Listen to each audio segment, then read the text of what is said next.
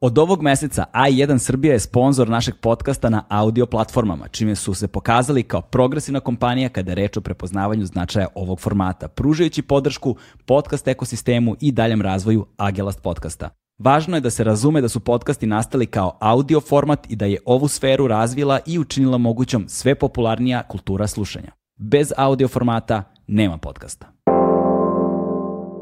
E sada da predstavim svog sledećeg gosta. A, moj sledeći gost je pre svega dragi prijatelj i kolega, ali, ali ga šira javno zna kao politikologa i teoretičara, političke, dakle čovjek koji se bavi političkom teorijom. A, njegovo ime je Filip Balunović, a, predaje na a, fakultetu pet različitih predmeta koji se bave političkom teorijom, demokratijom, globalizacijom, ovaj, radi takođe kao istraživač u nekoliko istraživačkih centara i ovde ćemo da razgovaramo o brojnim temama koje se tiču svakodnevnog života, kako na lokalu, tako i globalno, a pre svega jednom pojmom koji nosi naziv prazni označitelj, koji je ključni pojam za razumevanje svih populističkih tendencija sa kojima živimo poslednjih nekoliko godina, od medijskog ekosistema pa do političkog ekosistema, koji su problemi akutni i hronični u ovome društvu i brojne druge teme. Nadam se da ćete uživati. Moj sledeći gost, Filip Balunović.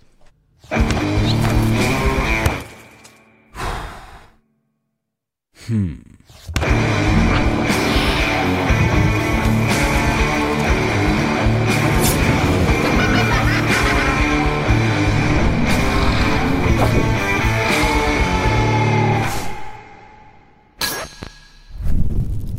Filipe, legendo, dobrodošao. Ćao Galebe, bolje te našao. Sto godina se znamo, dugo smo se dogovarali da svratiš, ali o, o, iz opravdanih okolnosti o, ovaj, to nije bilo moguće. Pre svega ti čestitam na novoj životnoj epizodi i što si se pridružio klubu na Ćalec, Ćalaca. E, hvala ovaj, ti. Hvala ti, ima i na čemu. Da, kako je, kako je iskustvo ono, roditeljstva sad u, ovom, ovoj ranoj fazi? Koliko sad tvoje dete ima? Ima dva meseca. Dva meseca, da. da. Ti si sad u fazi ono nespavanja, držanje glavice, noćni obroci, ceo fazon. Pa vidi, već sam, već sam se privikao, izgleda mi kao da to traje, kao da je ova dva meseca jedan veliki dan ili da. jedna velika noć. jeste, jeste. U kojoj se svašta nešto desi i onda nemaš ono, nemaš baš vremena za retrospektivu. Nis, nije još došao taj moment kad mm. staneš sam sa sobom, onako imaš nešto, imaš malo nekog slobodnog vremena, da. pa onda ideš unazad da, da vidiš šta sve i dalje je onako pun gas. Da, sada, Ide gas, što bi sad, da, sad, sad se živi samo u trenutku, samo postoji trenutno šta se dešava, ništa pre i ništa posle, iz obavezu u obavezu, eventualno se ta dojanja planiraju da bi se život nekako organizovao, sve ostalo kroz prozor, ba, to, Jest, jest, to, to ti je ono, između dva dojenja, između dva spavanja i to je to. Život između dva dojenja, brate, to je dobar naziv za nešto. Ne znam, ne znam za šta, ali za nešto definitivno jeste. I tu se vjerojatno krije neka fora, ali ja ne bih umeo da je pronađem. Nemoj, čuti, ajde, do kraja možda ovaj, pronađem. Ko zna, ko da. zna.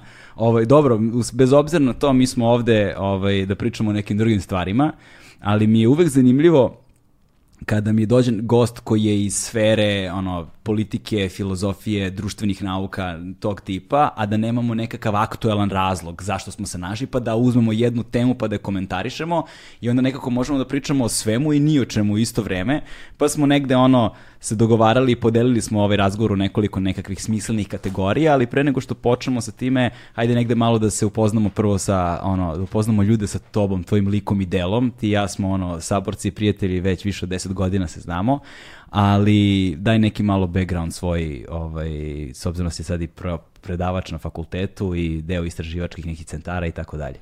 Da, pa evo možda počnemo od toga šta trenutno radim, predajem Ajde. na fakultetu za medije i komunikacije, na, na studijama politike. Ali koliko predmeta predaješ? Pa pet.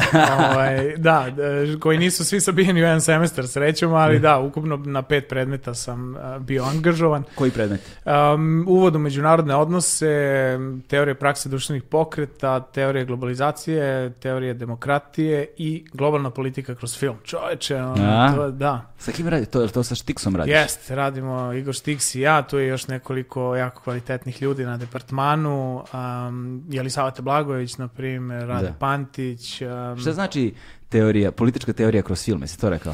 Je, da, globalna politika, globalna politika kroz film, da. To je dosta zanimljivo. Ja sam ja studentima govorim da da bih da sam mogao, da sam se ja pitao dok sam studirao, ja bih volio da imam tako neki predmet. Da. Obrađujemo neke neke teme koje se tiču globalne politike tako što čitamo tekstove i gledamo filmove. A, I onda, na primjer, obrađujemo temu postsocijalizma i onda gledamo Goodbye Lenin, na primjer. I onda pokušavamo da kroz tekst i onda kroz film a, razumemo Da. a, taj pojam. Samo me podsjeti, jel Goodbye Lenin beše ono kad se žena probudi iz kome Jest. posle 20 godina, šta je gvozdene kapije, više nema i to. I to- nema, i da. sada sin poku, pokušava da ju sakrije sve promene koje su se Da, desile da, nakon pada film. Berlinskog zida, gde ono, leti onaj balon sa Coca-Cola znakom, on navlači zavese i tako, pokušava da ju nabavi proizvode iz, iz vremena DDR-a, Da. kojih više nema, pa onda da, to pokušava da se, da se snađe, ono, genijalan film. To podsjeća malo na ovaj Žižekovski moment. Žižek je dosta radio tu kombinaciju popularne kulture i kao globalne politike. Jeste, i to, to je, e, mislim, oni su i dalje tinejdžeri, to je prva godina, to je 18-19 godina i vrlo često se uopšte nisu susretali sa nekim pojmovima i onda je to lakše da im, da im približiš, naravno da treba da se čita, Da. ali onda ih uhvatiš isto, ne znam, kad radimo fašizam, onda, onda čitamo Umberta Eka i gledamo film Divele, ovaj, Talas. A, Di Vele, da, Talas, da, da, Ne znam da. da, da li Gledao se sam. sećaš tog filma uh, kada, tako je, to, to je taj pozdrav, ta simulacija različitih ideologija i onda je fokus na toj simulaciji fašizma, pa kako se to... Da, A- Di Vele negde ima ono sličan dosta pod kontekst kao što je bio ovaj, kao Das Experiment. E, to je, to je ta fora, to Da, je ta da. fora, ne, nešto, nešto slično. I do, dosta to dobro ovaj, njima ide. Mhm. Um, I čak i na nekim drugim predmetima umem ja da im dam. Na primjer, na društvenim pokretima sam im dao da, da gledaju Senkin a, okupirani bioskop, a, koji je. A, Senke. Damjanović, Tako je. pozdrav za Senku. Pozdrav za Senku i hvala na, na, na šiframa koje mi daje specijalno za studente da bi oni mogli da odgledaju Vimeu. Na Vimeu, da. Da. A, i, onda, I onda, znaš, ono, to, to im je kad vide neke stvarne ljude, pogotovo neke znaju sad iz, iz nekih pokreta ovde u, Beo, u, u Beogradu, pa ih prepoznaju. I onda im je to, to im je super, otkrije im kako stvari, pošto većina njih nije nikada iskusila, a, ne znam, učešće u nekom pokretu ili u nekoj inicijativi te vrste i onda kad vide, a u čoveče, ovo, se, ovo to je bioskop zvezda Beograd, njihov grad. Da. I onda im je to mnogo prijemčivije. Da postoji ta jedna, i to, to je jedna stvar o kojima ćemo definitivno govoriti, su identiteti, de, de- definitivno, i onda postoji ta zanimljiva kategorija kada, kako se ti identiteti kreiraju kroz, intimi, kroz intimnost određenog prostora. Čim je prostor koji doživljavaš kao svoj, jel te, i čim, su, čim je postoji dinamika te vrste odnosa, odmah se identiteti lakše grade. Znaš, i- Jeste, ne, to je, to je ne, ne, ne, nema, nema boljeg načina da se s nekim ili s nečim saživiš nego da si tu pored. Da, jel? Ti, da. Ovaj, i, i sa ljudima i sa mestima, sa gradovima. Ja ne mogu se saživim sa nekim gradom, a u dosta gradova sam živeo dok nemam svoju kafanu. A, u koju onako uđem i nije sad to neki ego trip, nego da. je to zaista osjećaj da si, da si kod kuće. Kad do- dođeš u kafanu i stiže ti baš ona kafa koju ti piješ bez da te pita. da, ili neko drugo piće. Ili neko drugo, ne, ne, ovaj, U zavisnosti od doba dana. jeste, u zavisnosti od doba dana, ali ovaj, Da te u prodavnici nazivaju komšija. komšija, ali ne onako pro forme radi, nego zaista te prepoznaje. Da, to su počeli sad u ovim velikim marketima da rade kao, znaš, svi se obrać, obraćaju ti se sa komšija jer im je to valjda fora, ono, da bi Jeste, se... ali to umemo mi da prepoznamo kad je to fake, ono američki, znaš, Da, da. oni osmesi što su, što su onako od uha do uha, zapravo im nije ni do čega. I razumem ih. Apsolutno. Ne mora ni konobar, konobarica uvijek da budu na, tako raspoloženi. Mm. Mislim, nekad je njima ovakav onakav dan, ali to je sve... Poenta prisnosti jeste upravo u slobodi takve vrste odnosa, da ne Tako postoje je. vrste, te vrste stega društvenih nekakvih konvencija koje Nema moraju da se fejkanja, ispoštuju. nema fejkanja, Posebno da. u kafani. Posebno u kafani. Da. ovaj, pored toga ti si deo istraživačkog eh, centra, a kako se zove? Ja sam e, istraživač na, na Institutu za filozofiju i društvenu teoriju Univerzitetu u Beogradu. Da, to smo rekli da moramo da pomenemo. Da, da, to je, to je bitno da se kaže. Da, to je zaista institut koji, koji radi neke ozbiljne stvari, koji oku- okuplja neke ozbiljne, e, ozbiljne ljude a, i, i u ovom delu, ajde kažemo, bivše Jugoslavije sigurno je broj jedan institucija država. Kad smo već kod bivše Jugoslavije, tvoj doktorat je bio... Moj doktorat je bio na temu društvenih pokreta u posljednjih deseta godina na prostoru bivše Jugoslavije u Zagrebu, Sarajevu, Beogradu. Na, doktorirao sam u Firenci na Skola Normale Superiore ili ti skraćeno SNS. Da, da, da, da. Tako da mi ovaj mail ide filip.balunović.sns i onda ono kad šaljem, znaš, ono ljudi se, a sreće ide ono tačka it, kao Italija, Da, znaš, da, da, ali da. ko vidi ono it, znaš, ono fokus na ovom SNS. Onda je bilo nekih... Ovaj, Možda neki IT SNS, znaš Možda kao. neki IT SNS, neki, da, neki da. SNS IT-evac, brate, a? Da, to mi je kad hoću nekom da, da znaš, ono, iz državnih ovih struktura, znaš, nešto mi treba, neka birokrata, obavezno s tog maila, ono, pošalje. Znaš šta da je vide. fora? Ovaj, kod dru- drugar moj drži ovaj, bistro jedan ko, u koji svraćamo s vremena na vreme i prvo, sećam se kad je otvorio bistro, dolazim ja kod njega prvi put i on ovako stojimo u SNS upaljač na stolu, znaš, ja sam u fazonu, brate, kao, ti realno kao puš ono kao jedan Aleksandar Vučić, druge strane, znaš, kao stoji Da, da. ovako, SNS, i on kaže meni, ovo je jedini upaljač koji neće niko da ukrade. kaže, sve su mi odneli, kaže, ovaj, evo, stoji mesecima, Borazilu, zaboravim ga, odem, vratim se, tu je, kao, znaš, je neće to. niko, rekao, dobro ti se ekipa iskuplja u bistrovu, onda, znaš, s Da, obzirom da, da, da. neće niko da uzme taj, baš taj upaljač, da su svi negde ideološki određeni a priori. Jest. Što je negde, ovaj, što je, što je dosta dobro. Zato i uvek kažem, znaš, kad mi ljudi kažu da su apolitični, ili kad kažu ne, ja ne pripadam nikakvim ideologijama, znaš, onda sam ja upozorno, ali apolitičnost je politička odluka par excellence, to je najpolitičnija odluka koju možda doneseš u svom životu je da ne učestvuješ u političkim odlukama. A jeste, ali to je stari trik kad neko kaže da je apolitičan, ti mu postaviš dva, tri pitanja koje su vezana za, za neke svetonazorske ovako stvari. Jesi za abortus ili si protiv? Jesi za javne površine ili nisi? Jel, Da. te, jel te briga da li ima tvoje dete park ili nema? Dakle, to sve i odgovori na ta pitanja te smeštaju politički Između na, ostalog, na, tako je, neku da. stva- na, na neku stranu. Da, i kada kažu da kao ne, ja ne, nemam nikakvu ideologiju, kažem ne, to je ideologija, nemanja ideologije. Tako je. Ti van ideološkog i političkog konteksta zapravo ne možeš da postojiš. To je najjača ideologija koja nam govori o tome da, da smo sad izvan ideologije. Posti ideološki, Da, da. kako god, znaš, kako funkcioniš u stvari uopšte sad na tom planu, ono, da mi je, da mi je znati. No, a, kada si kad već govorimo o tvom a, potezu um, a, a, da, u tvom potezu između Firence i, i Sarajeva, jeste, tako, na tom si potezu, Tad, bilo tako? tad, je, tad je bilo Firenze Sarajevo, Da. da. ali zapravo tvoja, sada bismo mogli da govorimo o prostoru bivše Jugoslavije, čisto da ne bude da to nešto kod, u tom životu naučeno iz knjiga, ovaj, a, tvoja, tvoje odrastanje i tvoje mesta boravka su prilično živopisna, ovaj, kada bismo samo onako geografski locirali.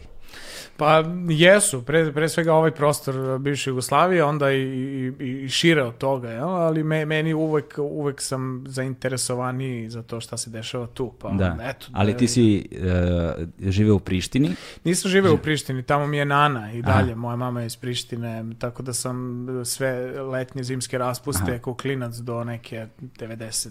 8. provodio tamo. A, tako da su me kačile te neke stvari, bio sam, prije pošto sam jel, ono što zovu mešani brak, Da, da. šta god to značilo, Um, a onda je i moja mama iz mešanog mešani ili mešoviti? Da, ili mešo, mešoviti, mešani, šta god. Mešani mi nekako zvuči kao kad staviš Kao kad kutlaču staviš, i kao... na- jeste, ali to se, da, na engleskom je mixed. Da, da, da, da. Da, tako da je mešan. Mešovitog. A? Mešovitog, Dobro. mislim da, je, mislim da je mešoviti, da. I onda, da, ma- mama ti se zove malo drugčije nego što se zovu druge mame. Da. A, I onda tako, od, od, od malih nogu iskusiš to Mm. identitetsko pitanje. Pa kad igramo futbal a, u Prištini, neko dođe i kaže, a igramo Srbi Albanci. Jel? I, onda, I onda ja dođem i kao, dobro, za koga ću ja da igram? Ja? da. I onda odem gore po patike i ja kažem Kevi igramo futbol Srbi Albanci, kaže on za koga ti igraš? Ja kažem pa za Srbe. Naravno, onda se ona smeje. Pošto je i ona iz, ona iz albansko-turskog braka, jel? Da. Moja nana je, moja, moja nana je Turkinja sa Kosova, deda je pokojni bio Albanac. Um, ali su oni, mama je došla u Beograd kad imala 7-8 godina, jel? pošto je deda bio major je na A, a, to tako da je to ta priča. Ali, o, ali tako ti od, od, od malih nogu sad čuješ da tvoja mama priča naravno srpski, ali priča i taj neki drugi jezik sa, sa a, svojom mamom ili sa, sa bratom a, ili sa drugim ljudima kad odemo dole. Onda čuješ Nanu koja priča opet neki treći jezik, koja, koja priča taj turski koji je onaj predkemalistički, nemodernizovani turski, jel, sa onim primesama arapskog više. No, Pred kemalističkim, mislim na Kemal Ataturka, Tako je, koji je da. stvorio modernu Tursku. Jest. Zar on nije rođen tipa nešto u Makedoniji, okolina Prilepa, ali tako nešto, mislim da je on sa severne Makedonije da, negde. to ne znam. Da, mislim da je znam. rođen, neko, ajde neko nek progugla, brate. Mislim da je Kemal Ataturk rođen negde tako okolina Prilepa je da je ono da tu i, i postoji ogroman broj, znam da je Jovan Cvijić baš dosta pisao On je to tada nazivao bosanski muhamedanci, sad ne znam Mm. koliko je taj izraz uopšte korektan i da li se koristi, zaista nisam u toku, izvinjavam, Sad- izvinjavam da, sad, sad više ne, ali Da. mo- moguće da se Nekada ranije da. to tako u tim starim tekstovima koje sam pisao tako je bilo i onda govorio o njihovim iseljavanjima i pratio njihove sudbine i živote. I evo ovo nas negde možda prirodno navlači na temu identiteta. Mm. I onda govori kako o tome kada su odlazili za Tursku, doživljavali su um, to je, da li je to njegova knjiga Balkansko poostrvo 1 i 2 ima i Mhm. mi tu se dosta baviti problemom moralne mimikrije i na okolinama Tur, da je turski zulum bio najsnažniji pa kako se menjalo ponašanje i psihološ, psihološka konstitucija stanovništva u tim određenim podnebljima. To je to čuveno kolonijalno ogledalo. Ali je govorio o tome kako su odlazeći u Tursku misleći da sa tim narod, da je to njihov narod, shvatajući da osim vere sa njima ne dele ništa drugo, nisu našli svoje mesto pod suncem tamo, ali su suviše dugo generacijski bili, da kada su probali da se vrate nazad ni tamo gde odakle su došli više nisu našli svoje, svoj identitet. Odakle? Solun, eto ti, ja, znači pogrešio sam, Da. ali znam da je ovde... Ubo si Makedoniju, ali nisi severno. Da, da, nisi severno, to, to, to, to, to, to, to. Da, ovaj, a, i, i, i, I onda su nekako ostali izgubljeni, zarobljeni između dva identiteta i da je veliki deo njih naseljen bio upravo u tom delu Makedonije, odakle dolazi, jel te, i ovaj, Ataturk i broj, brojni drugi. Da. E sada kad govorimo, ti si na skoro napisao jedan dobar tekst, pročitao sam ga juče, ovaj, za Birn, čini mi se, mm tako, o, o toj potrazi za identitetima, znači kao šta znači jugoslovenski identitet u dijaspori, znači da je to sada jedna vrsta i nekog ideološkog i političkog statementa u suštini, a ne onaj klišeizirani jugonostalgičarski zanos kao koji govori o kupovini farmer, farmerka, farmerke u Trstu i ne znam, tako neke gluposti, znaš. Da. Pa jeste, to, ra- radio sam to, to neko istraživanje, to mi je, to mi je fascinantno zbog toga što kad, to, e, kad odeš da, da provedeš neko vreme u nekim, u nekim gradovima kao što su Berlin, kao što je ta Firenca u kojoj sam proveo uh, uh, skoro, skoro pet godina, um, Beč i tako dalje, uh, čak i neki ska- skandinavski gradovi, i oni koji su najokoreli, na primjer, nacionalisti kod kuće, jel? to da im je važan, veliki Hrvati, veliki Srbi, veliki na, Bošnjaci, šta god, um, kad odu tamo, onda su nekako pa, prinuđeni da, da žive neku, ja to zovem objektivna Jugoslavija. Jel? Ne moraš ti da se poistovećuješ, da kažeš, ok, jugoslovenski identitet je moj identitet, ali ti objektivno se krećeš u krugu ljudi koji su iz čitavog prostora bivše Jugoslavije, manje više, koji govore tvoj jezik i oni su ti de facto bliži kulturološki pre svega od ljudi koji ne govore tvojim jezikom imaju neke druge navike i tako dalje. I onda sam probao tako razgovarao sam sa nekim sa nekim ljudima koji koji žive u Berlinu i Beču, to su mi bile dve to su mi bile dva fokusa gde su oni sada doveli to i na nivo to identiteta. Svi ljudi nekako koji se osjećaju ovo što si ti malo čas spomenuo, da dođeš tu, nisi poželjan. Vratiš se nazad, pa nisi ni tu poželjan. I onda ljudi koji e, se ne osjećaju lagodno ni u jednom od ovih identiteta koji su nam nametnuti u po- posljednjih 30 godina, jel? Ili, si, ili si Srbin ili nisi Srbin, jel? ili si ovo ili nisi ovo. A, svi oni koji su osjećali odbačen nekako kao da su im sve te kože nacionalne tesne, um, oni su svi u ide, svi. Jedan, jedan dobar broj je u jugoslovenskom identitetu pronašao tu neku um, artikulaciju bunta sprem onoga što nam se nameće u posljednjih 30 godina. I ta, to jugoslovenstvo, ko što si malo čas rekao, nije stvar toga, ja, nedostaje nam da um, ne znam, ovo ili ono, pogotovo što ti ljudi su ono, naši godina mlađi, tu pet eh, godina gore dole. Um, Dakle, mnogi se u suštini ne i sjećaju ne Jugoslavije. sećaju tog perioda, kao što se i ja ne sećam uh, tog perioda. Ali ajde sad ti meni reci, ono, ako, ako je, um, ne znam, uh, Nana Turkinja, deda Albanac, otac Srbin, uh, žena iz Zagreba i, uh, znaš, ono, šta, šta si ti? Da. Mislim, znaš, me- meni je, o, ja mogu da kažem da je za mene jugoslovenski identitet on, par excellence politička, politički statement. Da. Um, ja kad, kad hoću da, da obuhvatim sve te vrednosti, e, na primjer solidarnosti, internacionalizma, bratstva i jedinstva, antifašizma, e, za mene je to sve Jugoslavija. Um, i zbog toga, zbog toga se zbog toga se tako osjećam ako već. I onda kad kaže je to nacionalni identitet? Pa ne to je neka vrsta vrednostnog identiteta i oslanjanja na neku tradiciju koja je postojala a, i a, čim se brisanjem čim su se brisanjem dogodile mnoge ružne stvari na ovom prostoru.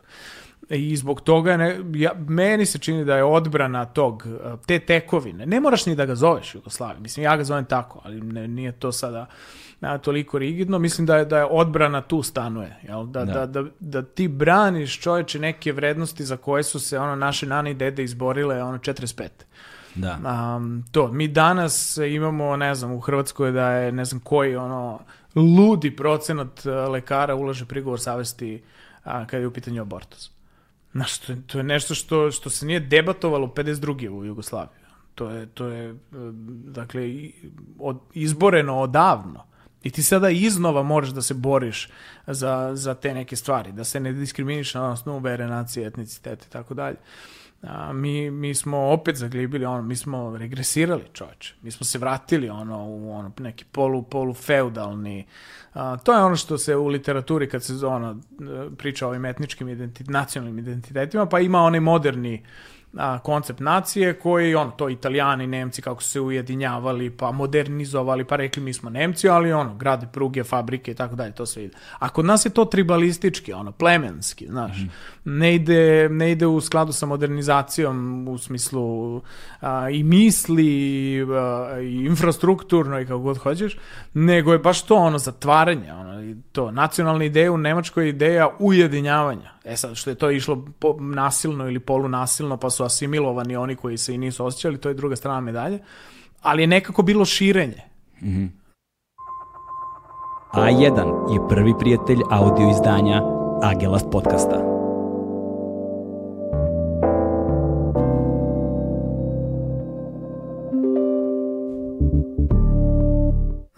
Kada govoriš o ujedinjenju A ovde, prostor Nemačke, u kom periodu govoriš? Pa to je ono, Bismarck, A, 19. Pru, vek. Prusi, da, Otto von Bismarck. Ono, da, oni su se zapravo... Ujedinjavanje, mislim, to, to su sve on, on bili... Je, izvini, to, je, to se desilo, sad ko, ko, moje, moje znanje iz istorije, sad vrlo upitno, ali to je bilo uh, krunicanjem princa Wilhelma tako prvog da, ja u, u Parizu nakon ono, da, znači oni su nakon sukoba prusko-francuskog rata, valjda Parizu je krunisan princ Wilhelm, jel tako, kad su ih tamo potukli do nogu i to je bilo ujedinjenje pruskih naroda, odnosno tu modernu Nemačku. On je bio prvi rajh, da, u da, suštini. Da, da, Jeste, da, da, to, da. Ali je to point, znaš, ono, da, da su te, ono što, što Benedict Anderson, to je, mm. ako hoćete, da, da ako nekog zanima tema na, nacije i nacionalizma, treba pročitati imaginary communities, ali imaginarne zajednice, kako se zamišljala ta ta nacija. Ali, al to, to je meni taj glav, glavna razlika između 19. veka i ovo kasnog 20. kod nas. Ono, to ideja nacije u 19. veku je širenje, jesu, ne znam, italijani nametali um, ne znam, tamo, tamo neki, nekoj, nekoj Siciliji ili nekim napolitancima da je, da je, da je italijanski jezik koji nije postojao, jel, koji dan danas je diskutabilan da li postoji, uh, da oni sad svi treba da pričaju tim nekim standardom koji je ono toskanski dijalekt firentinski dijalekt u da. stvari. Um, jeste to bilo nasilno i nametanje, ali opet je bilo širenje. A ovde čoveče, znaš, ono, umesto da, da se, da se ši, ovde, ovde se misli da, da, da, da što si manji, to, što, što si zatvoreni, to si više cool. Da.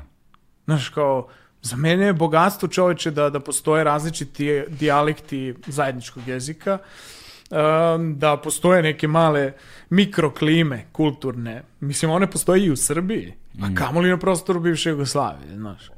I onda ako imaš sreće i dovoljno, pa možda malo i pameti, da, ovaj, da, da to prigrabiš kao priliku čoveče, da ideš ono, da vidiš kako stvari funkcionišu ovamo namo, onda nešto i naučiš. Ako se zatvoriš u svoju prćiju i to vičeš, pljuješ po ovima po onima, onda nisi napravio da, posao. Meni je sa tog aspekta identiteta zanimljivo to što, recimo, znaš, ja, ja uvek govorim za sebe, ja sam pravo dete Jugoslavije, znaš, zato što moj čale je došao uh, zahvaljujući nesvrstanima, razumeš? Znači, ono, non-alignment agreement, što kažu na engleskom, dakle, kada se desio savez nesvrstanih, ovaj, moj čale kao i veliki broj afričkih studenta u to vreme došao da studira ovde i to je onda simptomatično šta je to što su studirali mahom, ona znanja koje su im bila najneophodnije da ih vrate nazad u domovinu odakle, su go, odakle god da su dolazili mm. i to su bili inženjerski fakulteti mahom, medicina, medicina da. stomatologija da. i prava, to su bili, to je bio kao ono korpus a, fakulteta na koji se masovno dolazili, su to bile znanja koje su bila neophodna nazad da se vrate i ja sam bukvalno proizvod nesvrstanih, znači kao i moj čalik, evo su došli, oni su, oni su bili generacijno 68 maši su bili, razumeš, znači To je kao ultimate Jugoslavija u tom kontekstu, ali onda kada razmišljaš o identitetima, ovaj, ja sam dosta tome, ja sam dosta razmišljao o tome zato što već godinama planiram da napravim nekakav dokumentarni serijal koji bi se bavio baš tim problemom identiteta i onda imate neka velika četiri talasa. Da i posleratni 45-a, jel te kada su ono četnici i ustaše i to bežali ovaj od uh, U Argentinu. Arge- pa to su bili i Australija, Novi Zeland, uh, Amerika, tamo Chicago, naš, Da. v- Engleska i gde su god išli. Ovaj, pa onda je bila ta gastarbajt, jel te, 60. 70. najmasovnija mislim da je bila ta. Ovaj, pa onda ta ratno izbjeglištvo 90. godina i o, sad ova, na, kako nazivaju, odliv mozgova, mada je možda negde ekonomska, Ekonomska, migracija, negde precizniji termin tamo od 2000. pa do dan. Pa, Dobro, i ta gastarbajterska je bila poluekonomska. E, To je to, dakle, rast nezaposlenosti u Jugoslaviji je primorao vođstvo da otvori granice Da. i da dozvoli ljudima da, da odlaze i da rade negde drugo. I to mislim, to je, to je, u tom momentu je to bilo genijalno, zašto ti on, smanjiš nezaposlenost tako što otvoriš granice i ono, to, odu ljudi, mislim. Koji, koji danas, um, samo što je dru, drugo, Danas, odla, do, danas odlaze sa idejom da se ne vrate. Danas odlaze sa idejom da se ne vrate, da. A bilo je da to, mislim, užasno je to interesantno, evo, um, ja, ja sam isto ma- malo s- studentima sam na međunarodnim odnosima predavao ovaj, baš taj pokret nesvrstanih i a, pokušavam da im objasnim ko- koliko je to, zamisli ti čoveče da ti živiš ono u delu bivše zemlje koja je igrala vrlo često onu pivot ulogu uh, najvažnijeg igrača na međunarodnim od- u, u međunarodnim odnosima. Možda zamisliš to da je, da je znaš, ono, da, da počnemo od toga. Evo, jutro sam baš s Ćaletom nešto pričao oko ministara spoljnih poslova i tako, da, da smo mi imali, pričao sam o Budimiru Lončaru zapravo, koji je bio posljednji ministar spoljnih poslova Jugoslavije, a, koji je i dalje živ i zdrav, a,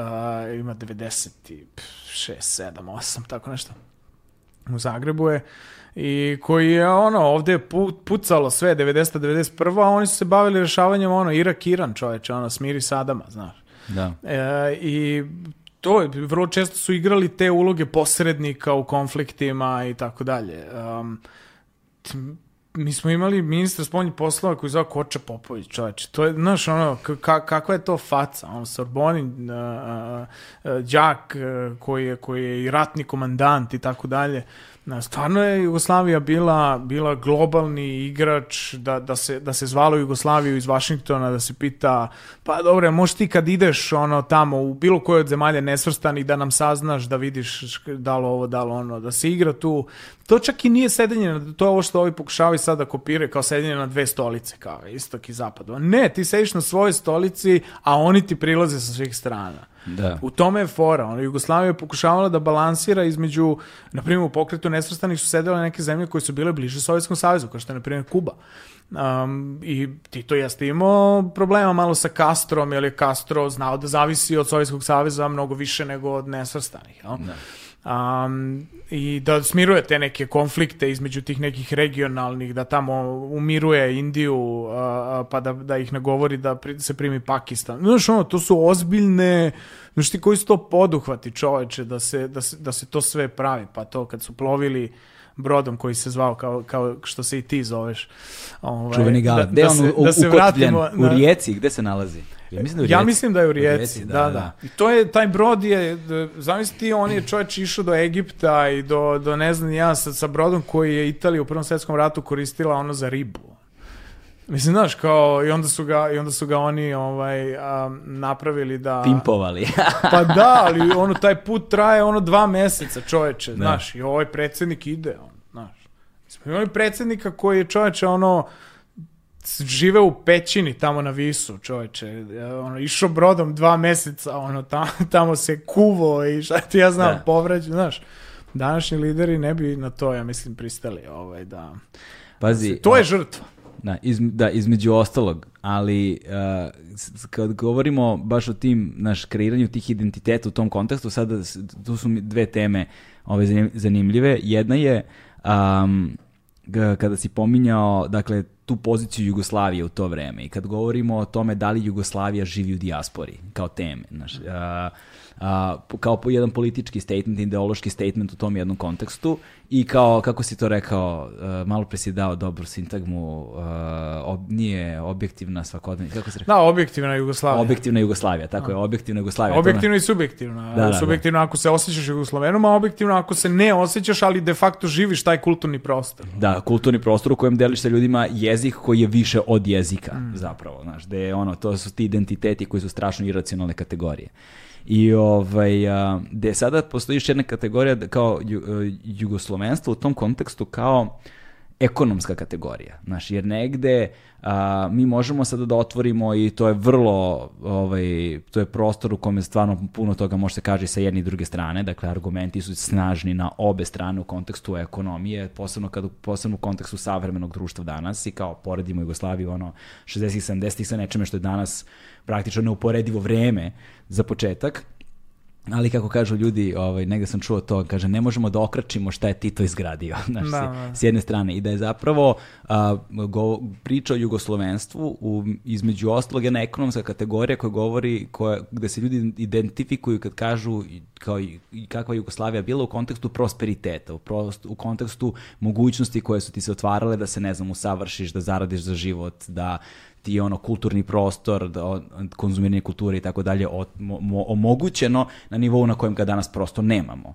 Dakle, mi smo osiromašeni, kako to, to Štiks... Ko uranijum. Da, ja to Štiks rekao, postocijalistička pustinja, ili yes, tako, znaš, da, da. U, u tom kontekstu... Da... Štiks i Srećko su napisali, to jest uredili, to welcome to the desert of post-socialism. Da, da, tako da zapravo ka, sa, sa rasturanjem te Jugoslavije mi nismo ne znam šta smo dobili nakon toga. To je kao otvoreno. A znaš šta, e, to je verovatno ono, i počeš od ljudi koji, gled, koji nas sada gledaju, slušaju preko Kaže, ono, šire... vidi ih ove komunjare, šta komunjare, pričaju. šta pričaju, ali, ali ajde da se, ok, dobro, da ne idemo sada, ovaj, ali meni je tu substancijalna razlika između ta dva, ajde da nazovem modernim rečnikom, projekta. Mm -hmm. Jeste da je ona imao emancipatornu klicu, Mm. Odnosno, to neko seme koje je moglo da nabuja. Ono je imalo milion problema, no? ali imalo neku zdravu podlogu. I imalo je potencijal koji se delom ispunio u tih 40 godina 50, 45, um, delom nije. A ovo što je nastalo nakon toga, nema to seme. Mm. Dakle, mi nemamo nikako, od samog početka, nema nikako, ne postoji potencijal. Ne postoji. Moraš da srušiš sve i zasadiš novo seme da bi postojao taj potencijal koji Jugoslavija ima. I sad, čak i onaj koji bi sad eventualno rekao sad je bolje nego što je bilo tad. Ja bih rekao ok. Ali tad je postojala mogućnost da bude najbolje.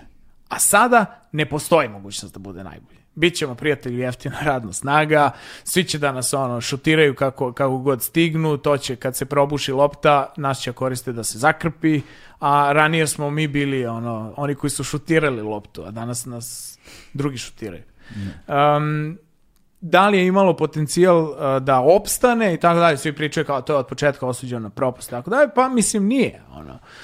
Um, tako se dogodilo kako se dogodilo, ali ja mislim da, je, da, da nam je tu budućnost. Ovaj, pošto sad dolazim iz Zagreba, tamo je ono, na, naš, tamo se baš osjeća uh, Jugoslavia big no no. Uh, čak se ne govori, ni, jako redko ćeš u javnom prostoru da čuješ reč Jugoslavija. Ili bi, čućeš reč bivša zemlja. Aha. To je, Sintagma, to je krilatica koja se koristi za to. Bio sam na utakmici Cibona Partizan u Draženovom domu I sad imaš u Draženovom domu one sve neke, uh, one, one plak, plakate, plakete, kako se da. zovu, um, kad je Cibona osvajala raznorazne kupove, prvenstva i tako dalje. I sada od ovog perioda 91. na ovamo piše šampion Hrvatske i hrvatski grb. Da. A za sve ono što je osvajala u vreme Jugoslavije piše šampion države i ništa. Dakle, nikakva, nikakva oznaka. Dakle, ne piše šampion Jugoslavije. Kao do te mere je to uh, satanizovano, znaš, to je potpuno neverovatno. Znaš, kao, kao neko ko dolazi odavde, uh, i inače, jedino gde, ko može se meri sa, sa Hrvatskom je Kosovo, što, što mene dosta čudi, znaš. Mm -hmm. a, da, da tamo je, je potpuno, ti, užasno me, mislim, nerviraju me svi nacionalizmi na, na, na neki način. Ovaj. Mislim, podjednako, ali, ali svi su nekako drugčiji. Um, I onda ti postaviš pitanje dole na Kosovu Albancima i kao, kao Jugoslavija nas je ugnjetavala, šta ti ja znam. Pa reku, čekaj, a druga opcija je bila iš sa Hođom. Da. Kao šta bi ti radio Enver Hoxha? Mislim, ne, ne razumijem, kao u tom momentu nije postojalo bolje rešenje za... Nije postojalo.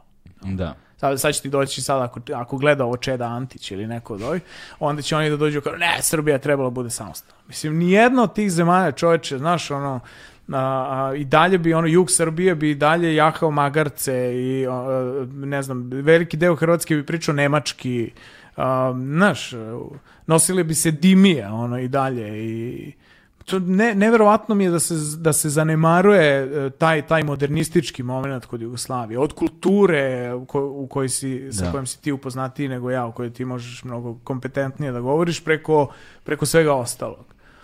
Um, I da mi dan danas plivamo čoveče na tome, ovaj, u znatnoj meri. Od infrastrukture do nekih drugih stvari. I dalje, i dalje se čitaju autori iz Jugoslavije. Ono, ko će da nadmaši te, te ljude? To mi je presmešno kad kažu, ne znam, um, uh, aj sad, da, da ne govorim imena. Da. A, možda dođemo posle do imena. A, ne, taj, taj srpski pisac, kad je pisao 70-ih, 80-ih. Mislim, Evo, a, a možemo, Andrić, kao srpski pisac. Ma nemoj. Pa mislim, kako se zove taj kontekst unutar kog on piše a, a, delo za koje dobija a, Nobelovu nagradu. Zove se jugoslovenski kulturni kontekst. Izvan tog konteksta on ne postoji. Da. Mislim, Krleža nije hrvatski pisac. Krleža je jugoslovenski, izvi, mislim, izvini. Jugoslovenski je pisac ne zbog toga što se on osjećao ili nije osjećao Jugoslovenom, Da. nego zbog toga što je delovao unutar kulturnog prostora koji je bio znatno širi od hrvatskog ili srpskog ili ovog ili onog. Naš Bekim Fehmiju je jugoslovenski glumac. On nije albanski glumac. Ja, ja verujem da, evo, da možda, možda njegovog sina bismo ili, ili suprugu mogli da pitamo šta bi on a, danas voleo, kako, kako bi voleo da se danas naziva. Ja bi voleo da se naziva albanski glumac. Da. Selimović je samo sebe govore da je on srbin muslimanske veroispovesti. Da, da, ali to je šta god, Ali to je to je, opet ali to je poenta, to je Da. poenta. Mislim, svako od njih naravno bi imao pravo, je imao ili e, od onih koji su i danas živi, ima pravo da se izjašnja kako god želi. Ali prijatelju, ti nisi ono srpski pisac ako si pisao unutar države koje je zvala Jugoslavija. Ne zbog toga što je to država, nego zbog toga što je to jedan specifičan, specifično vreme, kao kontekst vremena i specifičan kulturni kontekst unutar kog ti stvaraš. Jel? Um, eventualno sa tim bi moglo da se meri nešto što bi se nazvalo, na primjer, bosanskim piscem. Jer Bosna vrlo često je to, nisu je džaba zvali Jugoslavija u malom, pa onda to, utkani su različiti to, identiteti, različite um, kulture, ma koliko to, mislim, kultura je bosanska manje više jedna. Da. A, mislim, kad, ono, kad, kad uđeš u dućan u, u, u Sarajevu, kažu bujrum, jel, dobrodošao, izvoli, ali ljudi u Banja Luci isto govore bujrum. Jel se to ustalilo kao reč koja je specifična za taj, to što je to turska reč, pa je neš, nešto sulo dovezivati za, za neku veru i tako dalje. Zgodna je reč. Da. Znaš, bujrum je od bujrum izvoli vodu do bujrum uđi kod mene u stan, do bujrum postavi mi pitanje. Da, da, da. Znaš, dosta, dosta je zgodno. I to je boga, ovo što smo ranije pričali. I zvučna je, ima to, Jeste, ima, ima, ima taj vibrant R, ima taj eksploziv B na početku, znaš, Da. moćno zvuči kad izgovoriš. Jeste, ima, svaki od ovih dijalekata ima nešto, ne, ne, neki specifičnih reči koje su užasno zgodne a, i koje su neprevodive.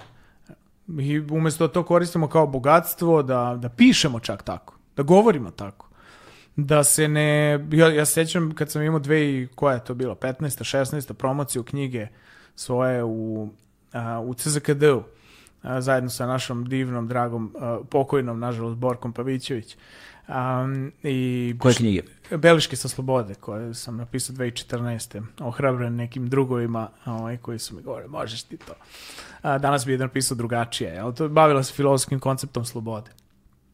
Um, I sećam se da nakon te promocije A, tu su govorio i ovo Bakić, e, Štiks Igor, Borka Pavićević i Milica Popović je moderirala. A ovaj tekst koji sam pomenuo malo pro je Birnov si radio, e, znam da si citirao Milicu Popović u nekoliko Jeste, navrata, da. jeste. Ona je, ona je stručnjakinja za temu jugonostalgije, na primjer. Ona se time baš bavi, a, pozdrav za Milicu. Ne, da živi u A, Parizu i dalje. Ona, živi, ona je sad u, u Beču. A sad je Da. u Beču, a živjela u Parizu dugo nešto, Jeste, da. jeste. Um, I znam da mi je nakon te promocije prišao jedan drug, drug, jedan što je sa mnom išao u razred u srednju školu i rekao, slušaj bre, mnogo mi ti koristiš ove infinitive. Znaš, Ići, biti, raditi i to. Da, Infinitivni nastavci su, uh, teraju, teraju glagol na kraj rečenice, to je germanska konstrukcija, to se da. u Vojvodini dosta koristi. I kao, da. to je, u njegovoj glavi je to hrvaština. Tako je on to meni... Ovaj, To je germanska konstrukcija A u to je, suštini. t- da. tako se govori u Bosni, tako Da, da, se da. govori, ja sam okružen posljednjih deset godina srećom, Mm. A, divnim ljudima iz, iz, iz svih okolnih a, Što država bi, i rekli, državica. što, što bi rekli, u duhu jezika je prezent glagola sa predlogom da, na primjer. Znaš, ne Jest, raditi, nego u da du- radim. U duhu jezika u to, tvom selu. Da.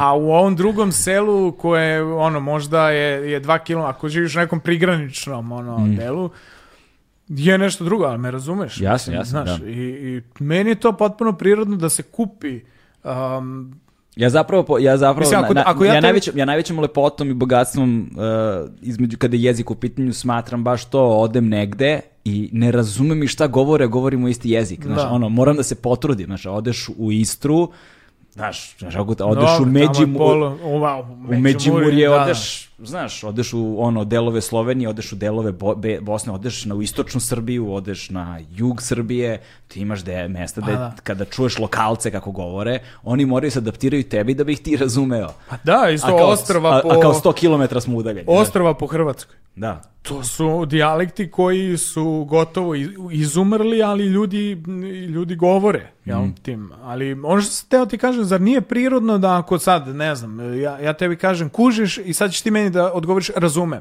Pa Da. ne, ide kao po inerciji je, ako razumeš tu reč koju ti inače Da. ne koristiš, onda ćeš da govoriš kužim. Mislim, Da, da. znaš, kao u čemu je...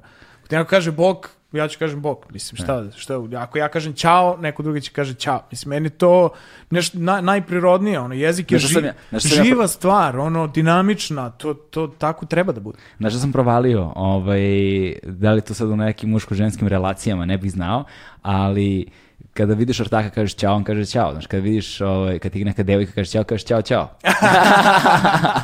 ne, to sam provalio da se, de, znaš, ne- u Da, nekom nisam. trenutku, ne znam, blejao sam sa ortakom, ovaj, baš uh, drugarom iz Hrvatske, jedno vreme smo boravili u, Re, u Rijeci zajedno, nekoliko meseci smo proveli tamo, pozdrav za Ivana, ako sluša, i, ovaj, I on je imao tu teoriju. Si primetio, kaže, ovaj, a on je inače iz Zadra, znaš, i on kaže, jesi primetio, kaže, ovaj, kad, kad ti ortak kaže ćao, ti mu kažeš ćao, kad ti devojka kaže ćao, ti kažeš ćao, ćao. Ja sam bio, ono, nisam primetio i on sam počeo da razmišljam o tome, to je bilo 2007. godine i mogu ti reći da je sa ovim ovoliko velikim uzorkom vremena prilično je tačno, znaš. Ne uvek, Da. ali prilično je tačno. Ajde, obratit ću pažnju. Ovaj, e sad, znaš, to sad govori o kompleksnosti identiteta koji su eto postojali tada, koji sada, znaš, u tom, kako su nekako sad ti novi nacionalni identiteti izgrađeni na anti jugoslovenstvu, na antikomunizmu, nazovi kako god hoćeš, da postoji taj bauk prošlosti i da se sadašnjost gradi kontra toga. Ovaj, što se kroz istoriju posmatrano, kad, kad posmatramo širu sliku, nije uvek završavalo najbolje, ni za koga, ali Uh, ali govori o, ali govori o je, jel to jednoj kompleksnosti i o jednom praznom prostoru uh, identiteta koji je sada nekako ostao kao nezavršeno poglavlje i ljudi u velikoj meri ne znaju ni kako da se snađu u njemu. A onda kad to, na to dodamo dijasporu, o kojoj smo počeli negde da govorimo, ti zapravo sad imaš, sa ta četiri negde talasa dijaspore koje smo prepoznali, ovo, imaš i četiri identitetske pozicije koje se radikalno razlikuju u odnosu na nešto čega više nema. Znaš, i gde se grade novi identiteti koji su kontra onoga što je nekada bilo. Sad, sada vrlo če, teško se dolazi do podudaranja. Tu ima jako puno nelogičnosti, nepravilnosti, jako puno iracionalnih kategorija. Identiteti kao takvi vrlo verovatno nisu neke racionalne kategorije. To se ja stalno sa drugarom zezam. Ovo, ja sebe smatram velikim Jugoslovenom, ali kad Slovenca vidim tri dana sreće nemam. Šalim se, volim Sloveniju. Ali, ne, ali u kolokvijalnom kontekstu jeste. Pa ne, to ima, ja, ja ovaj, često, ovaj, kad sam iz Italije se vraćao ono, kopnenim putem, pa kažem, on, ba, baš se osjećam dobro kad uđem u tu jugu, čak i kad uđem u Sloveniju osjećam se ono... Došli si kući. Da, Da. čak i u Sloveniju.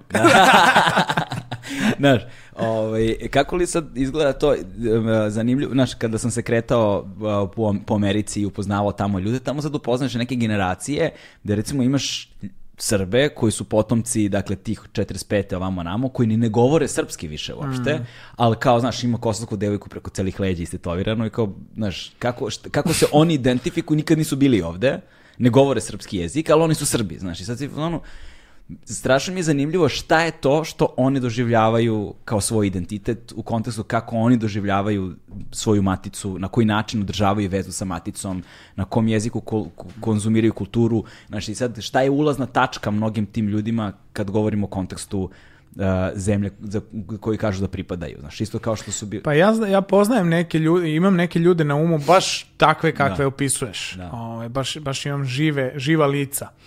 Um, I mislim da je to, da je to uh, čak i ljude koji dolaze iz ovo, mešanih, mešovitih Da, da. brakova koji su, na primjer, ne znam, francusko-srpski ili nemačko-srpski i tako, i koji su rođeni u tim zemljama, Uh, I uprkos tome što je jedan roditelj iz te zemlje, oni nikad nisu uspeli da se, i uprkos tome što su rođeni tu, nekako nisu uspeli da se, uh, osjećali su se možda drugim, Aha. Znaš. To je ono dru- drugi sa velikim D. Da, da. I, mo, I onda je to verovatno ta, ta neka, em, kao, ok, ako sam ovde drugi, ako me malo gledaju, ne gledaju me ko pravog Francuza ili ne gledaju me ko pravog Nemca, um, i onda se prebaci, aha, ali imamo ovaj drugi.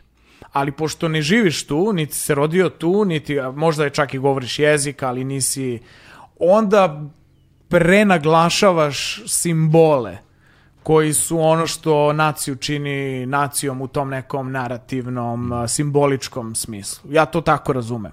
Da sad ti tetoviraš, ne znam, kosovku devojku pa je kaže ćao, ćao. Da. um, svako jutro. Na, um, i, i, I tako. Ja ne, ne bi to, znaš, trudim se da da, da trudim se baš, uh, pogotovo ovim nekim zrelijim godinama, ovaj, da, da razumem ljude. A, pre nego ono, bacim neku osudu, čak i ako su na potpuno suprotnoj strani a, a ideološkoj od one na koje sam ja. I če, često se desi, ne uvek, da možeš malo grebeš čoveka, grebeš čoveka, grebeš. Evo sad mi se desilo u Zagrebu, ono, da, da sam izašao, poklopilo se rođenje deteta sa, sa uh, dan pre mog rođenda. I onda sam bio to sedeo u, u kafani sa nekim prijateljima i čuo me je jedan tu pored kako govori i deklarisao se, ustao je, dakle ustao i rekao ja sam Ustaša. Dakle, ja sam Ustaša. I ja njemu kažem šta piješ? Znaš kao, ne može da mi pokvari ništa, ono, taj, taj moment ne može 50, u- mislim možda 50 ustaša bi moglo, ili četnika, ali ovo, možda zajedno, evo, zajedno su bili kroz istoriju, što ne bi i sad. Um, i, I znaš, kao taj šta piješ menja potpuno klimu Da. kod njega. Gde se na kraju to završava kako on priča da je bio služio JNA u Somboru, za koji misli da je, da je najlepši grad. E, jedina tačka sporenja je bila gde se rodio Đinđić. On je tvrdio da je jajce, ja sam rekao nije jajce, nego je bosanski šamac, onda je on bu- bu- se namrgodio i onda je googlao i rekao, upravo si. Da. I onda je na kraju rekao, drago mi je da smo se upoznali. Znaš, kao, ima tih nekih pre, pre, sad ja ne znam je on to što tvrdi da jeste ili nije, možda i jeste, um, ali dosta je toga do tebe, jel? Um, dosta je toga, ne sve, a, i nisi ti dužan da, da sad nekom ideš snishodljivo ako neko ide, ide ofanzivno, sve to stoji, ali um, a eto, ja, ja bi, evo, poruka za gledalce, dajte ljudima makar drugu šansu. Da, da. Makar još jednu. Kao, ako je na prvu nešto problematično, daj makar još jednu. Da, to je nešto sa čime sam se ja dosta sretao u životu, ovaj, kad govorimo recimo u kontekstu diskriminacije ili čega god, i onda sam uh, nekada davno sedeo sa prijateljem jednim koji mi je rekao, moraš Galebe, kaže, da napraviš mali ono, malu buffer zonu, mali, malu odstupnicu, da daš neki ono kredit, znaš, da malo kao sačekaš ovaj, i da, da vidiš na drugu loptu šta će da bude. Kao jer na ne, mestima, posebno neka mala i zabačena mesta ukoliko odlaziš tamo, su možda ljudi koji se nikada nisu susreli sa osobom kao što si ti. Znaš, prosto nisu, žive u sredini koja je takva kakva je, znaš. I, ovaj, I nisu se nikada susreli. I onda im je možda prva reakcija reakcija na nepoznato, a onda, kada se naviknu malo na okolnosti, onda se promeni situacija. I to se pokazalo zaista kao pravilo, ono koje ima smisla, da 90% ljudi ono, pri drugom kontaktu onda promeni. Ali oni koji nastave istom tvrdom linijom, e onda znaš ko, šta je kukolj i šta da odstraniš. Ali opet mora da bude, to je negde, ipak sve te stvari su negde dvosmerna ulica na kraju krajeva. Znači, znači zahteva ono, aktivnost i trud uložen i investiran sa obe strane. Pa da, ja sam često pažljiviji sa onima koji su na prvu mnogo fini. Da.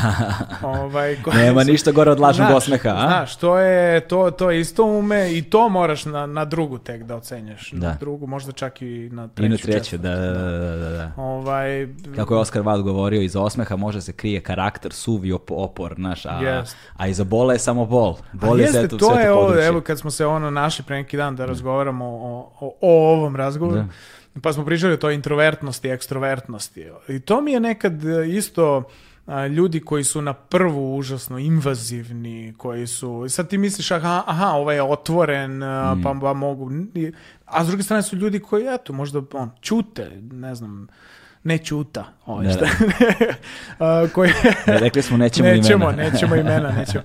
A, koji možda, eto tako, u nekom većem društvu prvo dva, tri puta, pa ne govore puno. Ono, I onda se ispostavi čoveče da je... Ne ono, zatvara.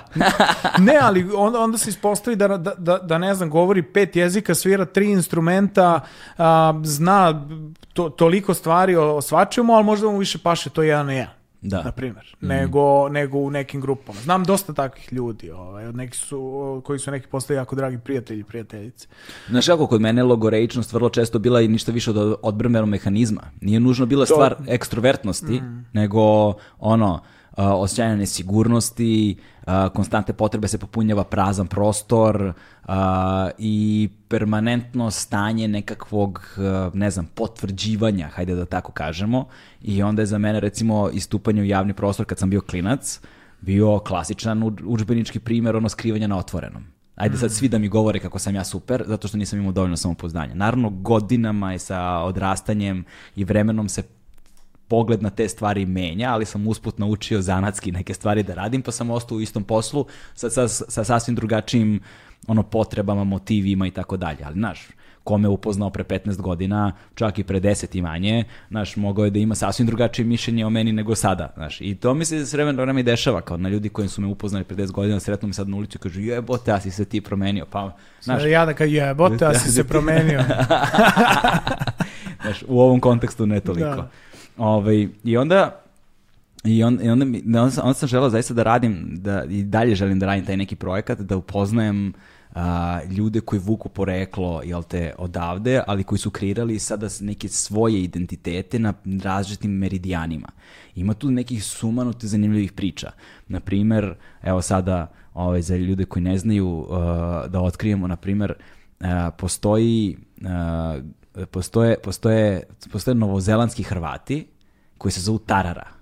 To je meni bilo recimo fascinantno. Znači, postoji grupa, to je krajem 18, krajem 19. veka, grupa Hrvata iz Dalmacije, čini mi se, koja je bila deo Zlatne groznice uh, koja je završila na Australiji i koja je otišla, dođela kao i sve Zlatne groznice, jel te, su nastavili sa potragom za kopanjem nekih sirovina ovaj, preselili su se na Novi Zeland i tamo su radili sa... Kako su oni stigli do tamo, na- koja je to muka na, bila. koja je to majko muka bila. Znači, da. onda su stigli do maorskih naroda i Maori su, sad sam zaboravio šta je to što se tamo rudarilo i kopalo i, ovaj, i onda su I onda su se pomešali sa Maorima i oženili su se maorskim ženama, jer su to uglavnom je to bilo muško življe, i primili su maorski identitet. Maori su ih nazivali tarara, jer na maorskom to znači onaj koji brzo govori.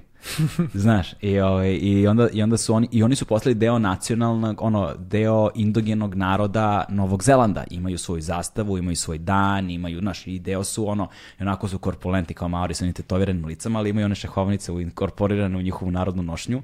I kao to je totalno kao legit identitet i oni tamo postoje, ne znam koliko ih ima, ali meni je odvek želja bila recimo da odem na Novi Zeland i da upoznam te ljude i da, znaš, ono, steknem sliku njihovog identiteta. To je sad negde možda neki ekstremni primjer, ali šta je recimo sa, ne znam, našim ljudima koji su u tim radničkim gradovima okolina Hamburga, Frankfurta, ne znam, koji tamo rade, i koji sad tamo žive, kreiraju identitete sa brojnim drugim ljudima koji migriraju iz različitih drugih zemalja, ali koji negde kroz klasnu odvojenost ostaju zaovek uslovno rečeno kako smo to nekad nazivali građanima drugog reda. Pa jeste, to je, mislim, na, e, jako je to, to interesantno. Daš. Imaš takvih primjera, na primjer imaš uh, italijanska sela koja su albanska, ne znam, od 14. 15. veka. I oni dalje govore albanski jezik, ali su oni to autohtoni mm. italijanski albanci. I nisu, do, mislim, došli su neki tamo pre pet vekova, ali svako je od neku došao, ono, ne, to ovi što dođu, ne, ja sam to, Srbin, des, tu sam od uvek. Da. Od uvek su svi moji. Um, a što se tiče ovog drugog uh, gastarbajtera i tako, razvili su se neki i identiteti koji se prelivaju i na jezik. Postoji jedna super knjiga, e, zaboravio sam kako se zove tip koji je, koji je pisao, jedno sam razgovarao s njim, ali se knjiga zove Geburstak pišeš normalno. Um, I ta mešavina, na primjer, nemački uh, gastarbajtera koji su odavde odlazili u zemlje nemačkog govornog područja, koji su, evo, to ćeš ti opet znati bolje od mene, kako se to preslikava na ono rap scenu. Da, da, da. I ka kako nastaju te neke krilatice, jezičke konstrukcije, koje nisu ni srpski ili hrvatski ili bosanski, šta god, ni nemački, nego je tu nešto između. Mm, no? mm. Uh, i, ka i, I to je zapravo nešto što ne može čoveče da sprečiš. Ono, migracije traju oduvek i trajeće zauvek. Mm. Ako je u, de, u 18. veku bilo moguće da iz Dalmacije odeš u Novi Zeland, pa čoveče, gle sad, on, te, sad, sad možda odeš gde god hoćeš za, za ono, sitne pare, samo ako imaš malo želje.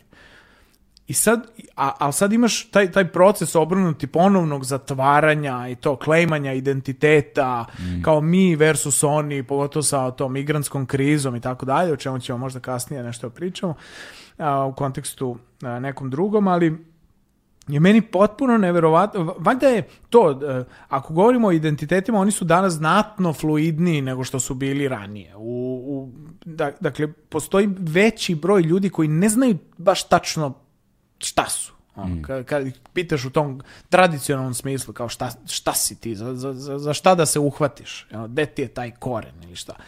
Ali to je meni isto stvar sa, ko, ko sa religijom. Znaš, mor, e, postoje ljudi koji za, kojima zaista treba a, da se uhvate za neki kanon, za nešto je neko pripremio za njih pre njih. Jel? I to, tu, tu im je sigurno, to je Tarik Ali jednom nazvao štakom. Jel? Mm. Da, to, da se, da se osloniš. I meni je to potpuno sa stanovišta ljudske potrebe razumljivo. Ja nisam religiozan, ali u potpuno imam razumevanje za, za, za ljude koji, koji jesu.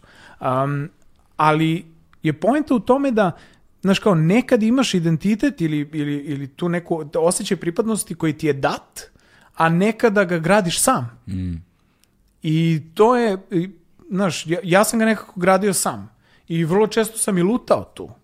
Znaš, kao jesam, jesam ovo, jesam ono, jesam ja anacionalan, jesam ja, jel ja pripadam ovde, jel ja pripadam tamo.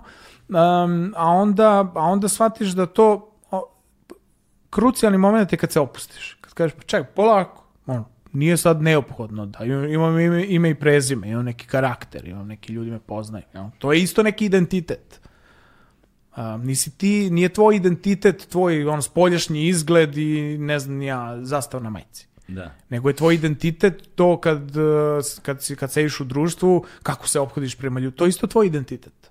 Kao neki bi rekli, to je karakter. Ali karakter je deo identiteta. Mm. Um, I to što si sigurniji u sebe, to, to ti je, no, to čvršći taj identitet. Jel? Um, I eto, to... Da, to nas negde vodi na temu populizma, zapravo, da. jer si pomenuo sad ta, taj, u tom kontekstu zatvaranja i to je nešto sa čime sam govorio kad mi je Đorđe Pavićević, prof, profesor, jel te, bio ovde, sad ne ovde, čak na drugoj lokaciji, drugačije sve izgledalo, davno beše to, ovaj, sad je već dosta vremena prošlo, Uh, I govorio je to kao istorijski, kao pojmu sad samog populizma kad se pojavio, na koji način se koristio i tako dalje, ali sad imamo danas takođe ogroman problem u razumevanju i u inflaciji korišćenja pojma populizam, ali s druge strane takođe kad govoriš o ovome i mislim da je to negde uvezano, ovaj, kada, govor, kada govoriš o to, tom, tom zatvaranju, to nije samo lokalni trend. Da ne, ne pomislimo mi sada, e, to se dešava daleko ovde i sad smo mi ovde najcrnji i najgori. Ne, ne, ne, ne, ne, daleko od toga. Ovo je globalno se pokazuje kao negde, sad zaista ne mogu da tvrdim, ne znam kakva situacija sa, ne znam, ono, indokinskim zemljama i sa afričkim zemljama, ne mogu da se pohvalim da razumem dobro, ali kad govorimo o tom nekom, ajde, judeo-hrišćanskom nasleđu, to je Evropi, Americi, Severnoameričkom kontinentu, latinoameričkom delu sveta i tako dalje, se vidi zapravo jedno skretanje u desno onako dosta jako. Znači o Trumpu da ne govorimo, o Brexitu da ne govorimo, o Orbanu i o Mađarima da ne govorimo, o Poljacima, o Nemcima, o Italijanima o, i Špancima, ono koji imaju tu Znaš, kod njih je recimo to, što se, Podemos je recimo ono, levi populizam, znači između oslo kao deo zvaničnog programa komunikacije, iz, tako, tako, kod Grka toga imamo između oslo i kod nas. I ovaj, ali mi je zanimljivo kako se recimo kao zatvaranjem, kao nacional, nacionalizam koji bi trebalo da je sada odvojen od ostalih, oni se nekako internacionalno povezuju kroz jedan ideološki spektar koji mi je jako teško, ne mogu i dalje da, da formiram jasnu sliku tog u glavi, posebno ne ono, negde genealogiju toga. I, i, i, i zanimljivo mi je kako oni zapravo koriste ideje onoga što se zvala internacionalizam nekada, da bi se učaurili u svoj nacionalizam. I mhm. potpuno mi je fascinantno te, te negde iracionalne i oprečne kategorije koje se spajaju danas i kako to funkcioniše. Znaš, i kao, kada bismo, kada bismo morali da počnemo tu temu populizma, gde bi je ti zapravo počeo? Uf, to je baš teško pitanje. Da je zovemo Đoleta Pavićevića da. da ga pitam. Ali evo sad, što, ono što mi pada na pamet jeste da nije da nije to jeste novum u poslednjih, ne znam, 50 godina, ali nije novum što se tiče, aj, na primjer, čak ni 20. veka. Postojao je desni uh, internacionalizam, odnosno to uvezivanje, podrška i tako dalje. Na primjer, španski građanski rat. Da. Mislim, Franco nikad ne bi dobio taj rat da nije bilo intervencije Italijana i Nemaca. Da. Kao što bi republikanci verovatno dobili taj rat da je bilo malo više intervencije Sovjetskog saveza i da se nisu oslanjali samo na, na onih nekoliko hiljada španskih boraca, jel, internacionalne brigade i tako dalje, da. koji su bili deo i ljudi iz Jugoslavije koji da. su bili Eto kako su ulice dobile naziv. Eto kako su ulice dobile naziv. Um, ali ovaj trend sada, ja mislim da se postavlja ta, to je to nam je donela ova, ova, ova dekada prethodna, E, gde se dogodila ta takozvana migrantska kriza jel? i onda i onda to to frejmanje, odnosno uokviravanje narativno, gde se judeo-hrišćanska Evropa po znacima navoda brani od naleta uh, neki ko oni slovački premijer, što je rekao da izbeglice su dobrodošle, ali samo hrišćanske. I sad ti kaže, ali čoveče, ono znaš kao, dobro. dobro. Um, I onda se verovatno, ne verovatno, nego sigurno duž te ose, to, judeo-hrišćanska, ali vrlo važno u, njihovim, u njihovom narativu civilizovana. Da. A, Evropa brani od muslimanske, islamističke i vrlo važno, nazadne, varvarske populacije koja dolazi. To je taj narativ koji onda uvezuje Severnu ligu u Italiji sa nacionalnim frontom u Francuskoj, sa ovim ovde obskurnim organizacijama u našoj zemlji, sa Poljacima, sa Jobikom u Mađarskoj i, oni zbog toga čini mi se su stvorili taj neki um, veliki narativ, to mi hrišćani, mi civilizovani, mi porodične vrednosti, mi um, uh, sve ove desne mm -hmm. kategorije unutar toga i to je populizam. To je taj, dakle oni su unutar uh, primera to judeo-hrišćanska civilizovana Evropa protiv ovih varvara islamističkih, našli to nešto se u literaturi naziva praznim označiteljem, koji je uspeo da inkorporira u sebe, da uvrsti u sebe sve druge desne a, vrednosti. Um, I koliko je to sklono a, promeni, pokazuje i ova 2021. godina, kada to polako slabi. Ali evo u Francuskoj su bili lokalni izbori, nacionalni front, dakle korona je zauzela mnogo prostora i sad su izbjeglice uh, pale, pale u drugi, u, u, u drugi plan. Um, pokazuje primjer, na primjer, Le, uh, Lega Nord, Severna liga u Italiji, uh, koja se zove Severna liga, zbog toga što je pokušavala da isto ono što sad desnica radi sa migrantima, radi sa južnjacima. Dakle, ja sam imao drugaricu u Firenci koja je iz Palerma, koja je meni e, Kakav je grad pričao Palermo, kakav je grad grad, ovo, opasan grad. Kakav grad. opasan grad. Koja je meni pričala da, a, da je zapravo najviše, ona nik, a, kao nikad nisam imao pro- problema nigde da se kretala, ali jesam imala u, ono, de- dešavalo mi se da, da gore u Venetu, gde su ovi bili jaki u, to, u, toj, u, to, u toj regiji, ono, sam, sam dobijala izađi iz metroa kad čuju akcenat. Znaš, kao to su ozbiljne... E sad, negde na pola prošle decenije se događa taj val migrantski, a, ove, migranata koji idu iz Severne Afrike, sa Bliskog istoka i tako dalje. I Severna liga, koja je ranije bila fokusirana samo na južnjake, protiv njih, kao mi sever protiv njih, ali opet je mi razvijeni civilizovani sever protiv njih nazadnih varvara sa juga. Da. Dakle, uvek se ta neka uzvišena, mislim, to vuče korene, ono, iz... Im- iz ima to svoje ima to odakle. svoje, ima to svoje Nije to slučajno, zaštite, da, nije to slučajno, da. Ovaj, taj neki poluarijevski, jel, mi gore, vi dole. Um, I onda su samo obrnuli na migrante. A nastavili su da se zovu Severna liga. Ali južnjaci više nisu bili u fokusu. Zato što im je ovo došlo ko kecna, kako se kaže, kecna 10 ili kecna 11. To Ni- nek- ni ja niko- to ne znam. Niko, nik- da, to molim vas. Pritom ja ne znam igre kartama nikakve. Ja Dobro, znam, znam. znam da igram tablića i to je sve što znam od karata. Eto, ajde kažem kec na 10. To mi je Ajde, logičnije. ajde, bude nekako, kec na jer 10, onda da. je 11. Zato što valjda to je Valjda onaj, je to. to je Tony Blackjack, jel tako zove? Ne znam, nisam ja. To možda I- pitaš tvog za- bivšeg kolegu Marka Grujića. Jel, e, bravo, da, njega on, bi mogu to da pitaš. da, on je, ali on je sad, koliko sam razumio, sa pokera je skrenuo na kripto. Skrenuo je na krivi put.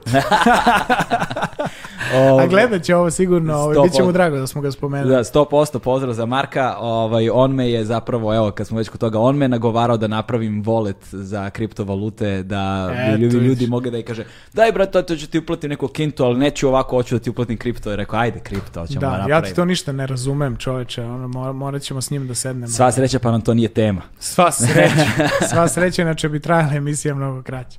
Da. Uh, ali da se vratim na ovo, mada sam i završio šta sam, šta sam imao da kažem. Kako, kako se to ne, ali, obrnulo, ne, ne, ali znaš? prazan, prazan označitelj mi je sad zanimljiv kao pojam. Da. Znaš, to, je nešto, što je nešto o čemu smo govorili isto kao pre, pre neki dan i onda bih volio da mi negde malo bliže po, objasniš, zapravo jedan slušalcima našim, kontekst uh, praznog označitelja. Da, to je, to je koncept uh, uh, populistički koji je izneo taj argentinski mislilac postmarksistički koji zove Ernesto Laclau um, koji zapravo um, ajde, da, sad, sad mi je uvek to objašnjava na akademskom nivou pa, pa Nema veze, probati slobodno. Ovdje imamo prostora. Dakle, dakle prazan označitelj, e, glavna kategorija kod populizma je zahtev. E, Koji su to zahtevi koji su u datom momentu i u datom kontekstu neispunjeni zahtevi? Ja. I onda se postavlja pitanje koji je od tog mora neispunjenih zahteva dovoljno prazan da bi mogao da u sebe primi sve ove druge neispunjene zahteve i da kroz sebe te ne, ostatak neispunjenih zahteva artikuliše u Kao, političkom nekak, prostoru. kao nekakav najmanji zajednički sadržalac sa svim tim nekim različitim, ajde da kažemo, frakcijama. Na primjer, Da. evo, migrantska kriza. Dakle, naš, za, ajde uzmemo desnicu i desni populizam.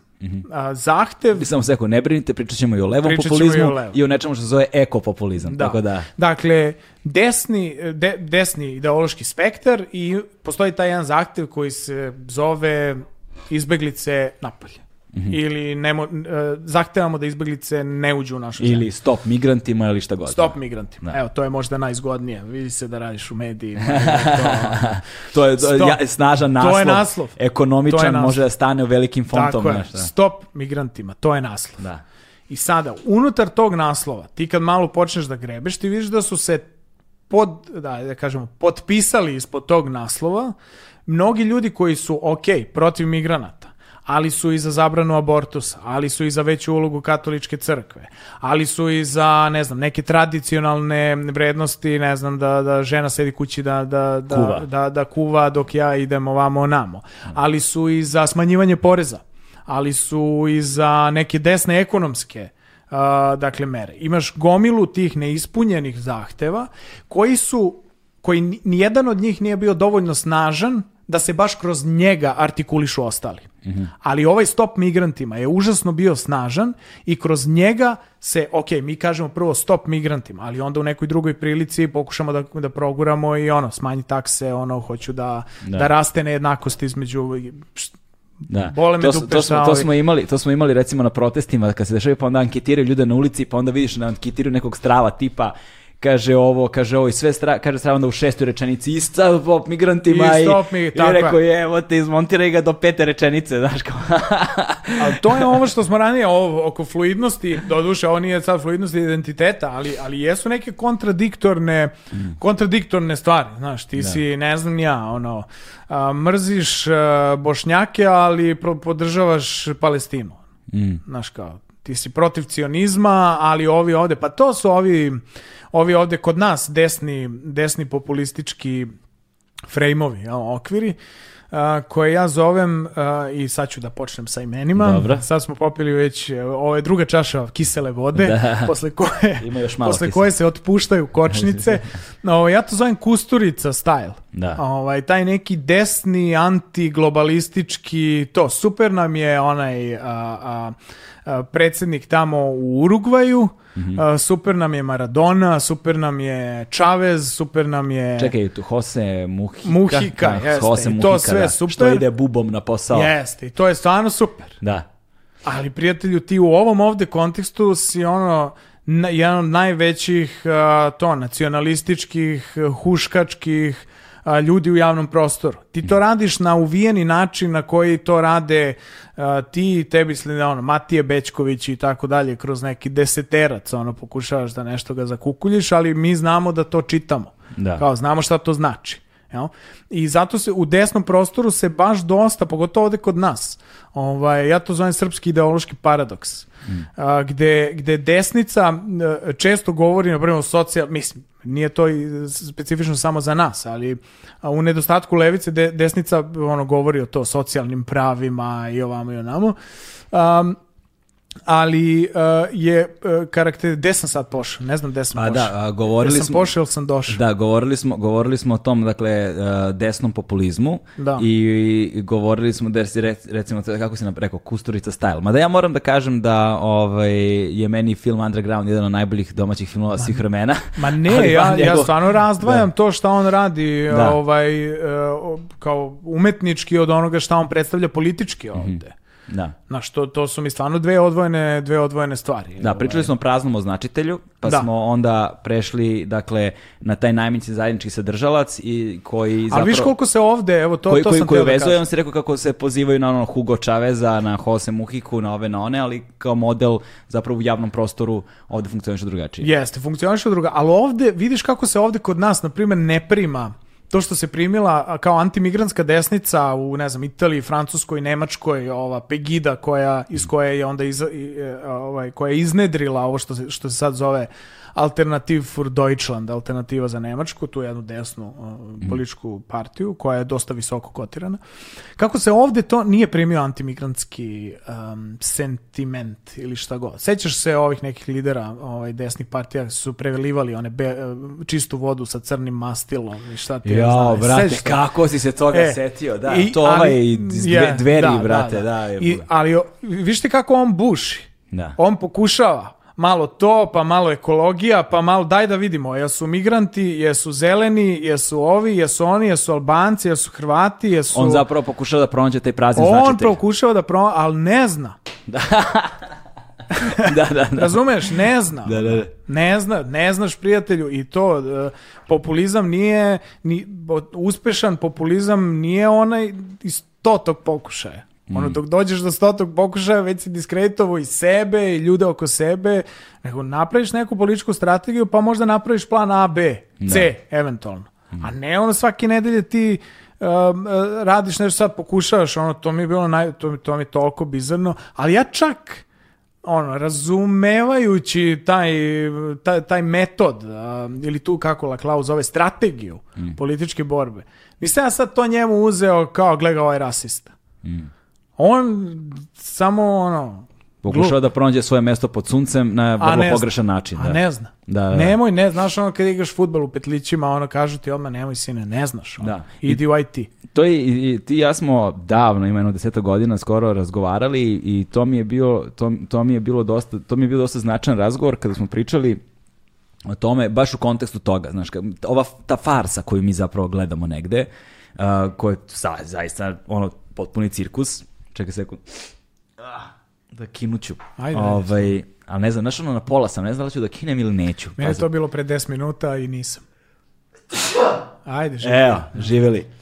Ovaj, a, a, kako zapravo, kada posmatraš političke partije kod nas, a, one se programski zapravo ne razlikuju mnogo jedna od druge. Znaš, ideološki se ne razlikuju mnogo jedna, mnogo jedna od druge. Oni su svi negde zapravo u jednom vrlo uskom, znaš, nekom, aj nazovimo, uslovno neki desni centar, skupu takozvanih vrednosti, šta god to značilo danas, pošto se time razbacujemo ono ko konfetama, jel te? Ovaj, I ti gubiš, gubi se negde jasna distinkcija među njima ko su i šta su. One se samo, znaš, socijalistička partija je socijalistička samo imenom, ničime drugim doslovno nisu prošli pored to- toga. Ne znam, ova, ova ovakva ili onakva, znaš, napredna je napredna isto samo imenom i tako dalje.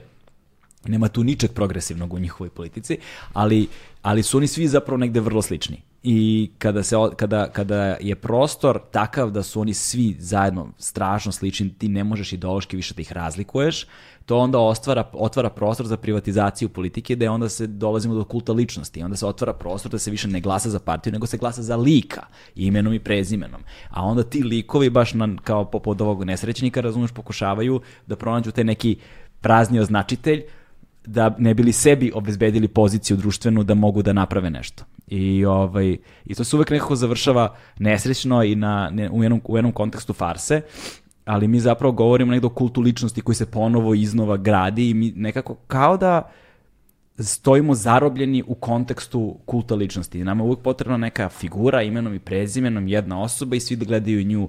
Ne, ta- taj sistem je nešto što ne mogu uopšte da ono razumem, razumem do kraja u ovom kontekstu. I ti mehanizmi kojima se oni služe, a, kroz medije, pošto su kod nas te, mediji strahovito cenzurisani i tako dalje, da mi ovakvim razgovorima zapravo otvaramo nekakav prostor slobode šta god da pričamo, ovaj, a, a, u- stvaraju upravo taj diskurs u kojem se nalazimo danas, o kojem ti govoriš, na neki način. Pa da, to je taj e, tranzicijski, tranzicijski karakter ovog našeg, ovog našeg vremena i to je, to je lepo Boris Buden koji, koji će koliko sutra govoriti u KC gradu. Um, A to mi je Jedan Štiks poslao poruku, vidio sam neko koji nisam... da, da, ko, ko može, svako treba da dođe, da, da čuje sve, sve koji će tamo govoriti. Um, to je onaj uh, catching up revolution. Jel? To je Habermasova teza u stvari, ali je Buden to u svojoj zoni prelaska baš fino onako dekonstruisao i opisao. To je to, non stop juriš sa nečim. a, jel? Pa da, ta to- to neprekidna, ta, taj, ta, ta, e, ideja o neprekidnoj tranziciji. Mi Mm. smo sve, sve vreme nešto jurimo. Sve vreme, evo, pa se trkamo s ovim, pa se trkamo s onim, pa najveći BDP, pa lideri, pa ovamo, pa namo. Šta smo, A- beše, sad smo tigrovi neki. Ti igrovi, de- šta, a, ali, znaš, jurimo. Da. A zapravo, e, znaš šta je fora? Da je tranzicija gotova i ovako to izgleda. Da. Ovako, kako vidimo sada oko sebe, kad se okrenemo, tako to izgleda. Dubaj tamo ispod, pored Brankovog mosta, a, to, dilovi, mešetarenja, a, užasno, užasno zagađen a, javni, politički prostor. Am, u ovoj zemlji a, ima Postoje neka ograničenja koje su malo, znaš, i, i, i istorijska. Ta degradiranost levice koja dolazi iz 90. godina, gde se ovaj čovjek jedan lažno predstavljao, što ti reći kao socijalistička partija, nisu se očešali o, o, o socijalizam kao ideju. I onda je ona i njen lider u to vreme e, potpuno diskreditovao tu ideju i zemlju u kojoj nema levice, ne zbog toga što sam ja levo, nego zbog toga što stvarno je nezgodno ono da se da se da se funkcionira mislim i, i, i opet se vrati na ovog praznog označitelja ti u današnjem kontekstu imaš situaciju u kojoj imaš je- jedan broj ljudi koji podržavaju na primjer vlast, imaš jedan broj ljudi koji podrža, koji su to ne podržavaju vlast. I sad ti treba čovječe da objediniš onog što ne podržava vlast zbog toga što je ovaj, ne znam, izdo Kosovo i zbog toga što je ovaj, ima, ne znam, postavio gej premijerku i imaš ljude koji ne podržavaju vlast iz potpuno drugih razloga, zašto je autoritarna, zato što je, ima tu zaleđenju ratno-huškačke, zato što uništava i ekonomski u svakom mogućem smislu ovu zemlju. I sad ovo što ovi pokušavaju da rade ovaj, to na opode, jeste da ujedine sve te ljude u jedan koš. Pa ne može, brate. Mm. Ne, mislim, to i ne treba da, da, da se radi. Ne, ne, ne možeš da ih ujediniš. Treba da, da, da ono plu- pluralizuješ, ali tu dolazimo do, do ovog isto o čemu smo pričali ranije, o tom poverenju Da. a, političkom, a, koje, Da, koje da, se to je- gubi zbog ovoga o čemu si ti pričao. Pa da, i sad je to, tu se dolazimo do razlike onoga što, što mislim da je važno da se razgraniči i tu bih ti sad otvorio prostor da govoriš o tome. Dakle, podrška i poverenje nisu dve iste stvari. Pa da, ja, često se govori o tom političkom poverenju, koje ti kad pokloniš nekome poverenje u onom, u onom izvornom značenju, znači da, da, da, da zaista ti ono, pokloniš poverenje hirurgu, čoveče. Kad legneš na sto, on ti da onu anesteziju i ti stvarno imaš poverenja u njega da neće te ubije, nego će te spasi. Da. To je poverenje. Anesteziolog i hirurg. Anesteziolog i hirurg. I svi koji su u sali. Ili ono kad se bacaš unazad pa te neko hvata. Da, da, da. Jel? Na, na team buildingsima. E, da, da, i onda se stvara poverenje. A, I imaš poverenje u prijatelj, imaš poverenje ostaviš nekom da ti čuva dete. jel? Imaš poverenje. Da. Vaspitačica u vrtiću. Na primjer. Ali u političara, ja mislim da je, da je potpuno pa je ono, promo, mašio si cijeli balun. Um, nije što se ja prezivam balune, nego E, baš ono, promašio si poentu. Šta, ne poklanjam ja nijednom političaru poverenje, Da. niti političkoj stranci. Ja mogu da dam podršku, mogu tamo da zaokružim i onda da svaki dan budem prema tebi nepoverljiv i da te svaki dan proveravam. da. Šta radiš? Da. To je poenta politike. Poenta javnosti, kritičke javnosti, koje pripadamo i ti i ja i još mnogi ljudi, um, jeste da svaki dan propituje, traži dlaku u jajetu. To je zadatak kritičke javnosti koja je kamen temeljac ovoga u šta se kunu i ovi na vlasti i ovi u opoziciji, to je to neko demokratsko, po znacima navoda, otvoreno društvo. Evo, To je sad druga je stvar kako ja mislim da bi to moglo se rešiti, to neću sad da, da, da govorim kojim metodama, ali evo, da se kaže liberalni, Ko- kojim metodama? liberalni diskurs, da citiram i ovu Bakića. Da. Ovaj, lib- eh, liberalni diskurs je taj. Jel? Kri, svaki dan, ja, uopšte, eh, ti si prijatelju zauzeo neko mesto, neku instituciju, koja je javna institucija. Ja ako hoću svaki dan tebe mogu da pljujem koliko god hoću. O, to što ja radim i što, što ti radiš jeste neka konstruktivna, konstruktivna kritika, ono, pristojna, znaš. Ali je to moj zadatak. Ja se školovo da razumem politiku. I ti sad meni koji kažem nešto kako ja razumem to, možda ja nisam u pravu, ne ostavlja prostor za to, ali ti meni kažeš da mene neko plaća da to govori. Da. A ja se školovo za to, a pritom nisi ti platio, nego italijanska vlada. Znaš, Strani plaćeni, ona me znači. školovala je. Da. Znaš, ona me školovala.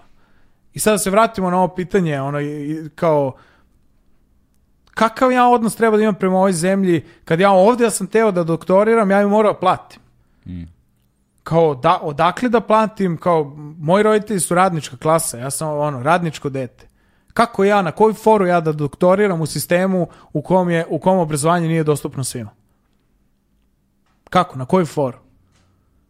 Znaš, i, ti, i ja se vratim ovde da te kritikujem da bi ti napravio bolju zemlju. I ti mene, i ti mene označiš kao izdajnika, kao stranog plaćenika, kao, kao, a ja hoću ti pomognem. Da.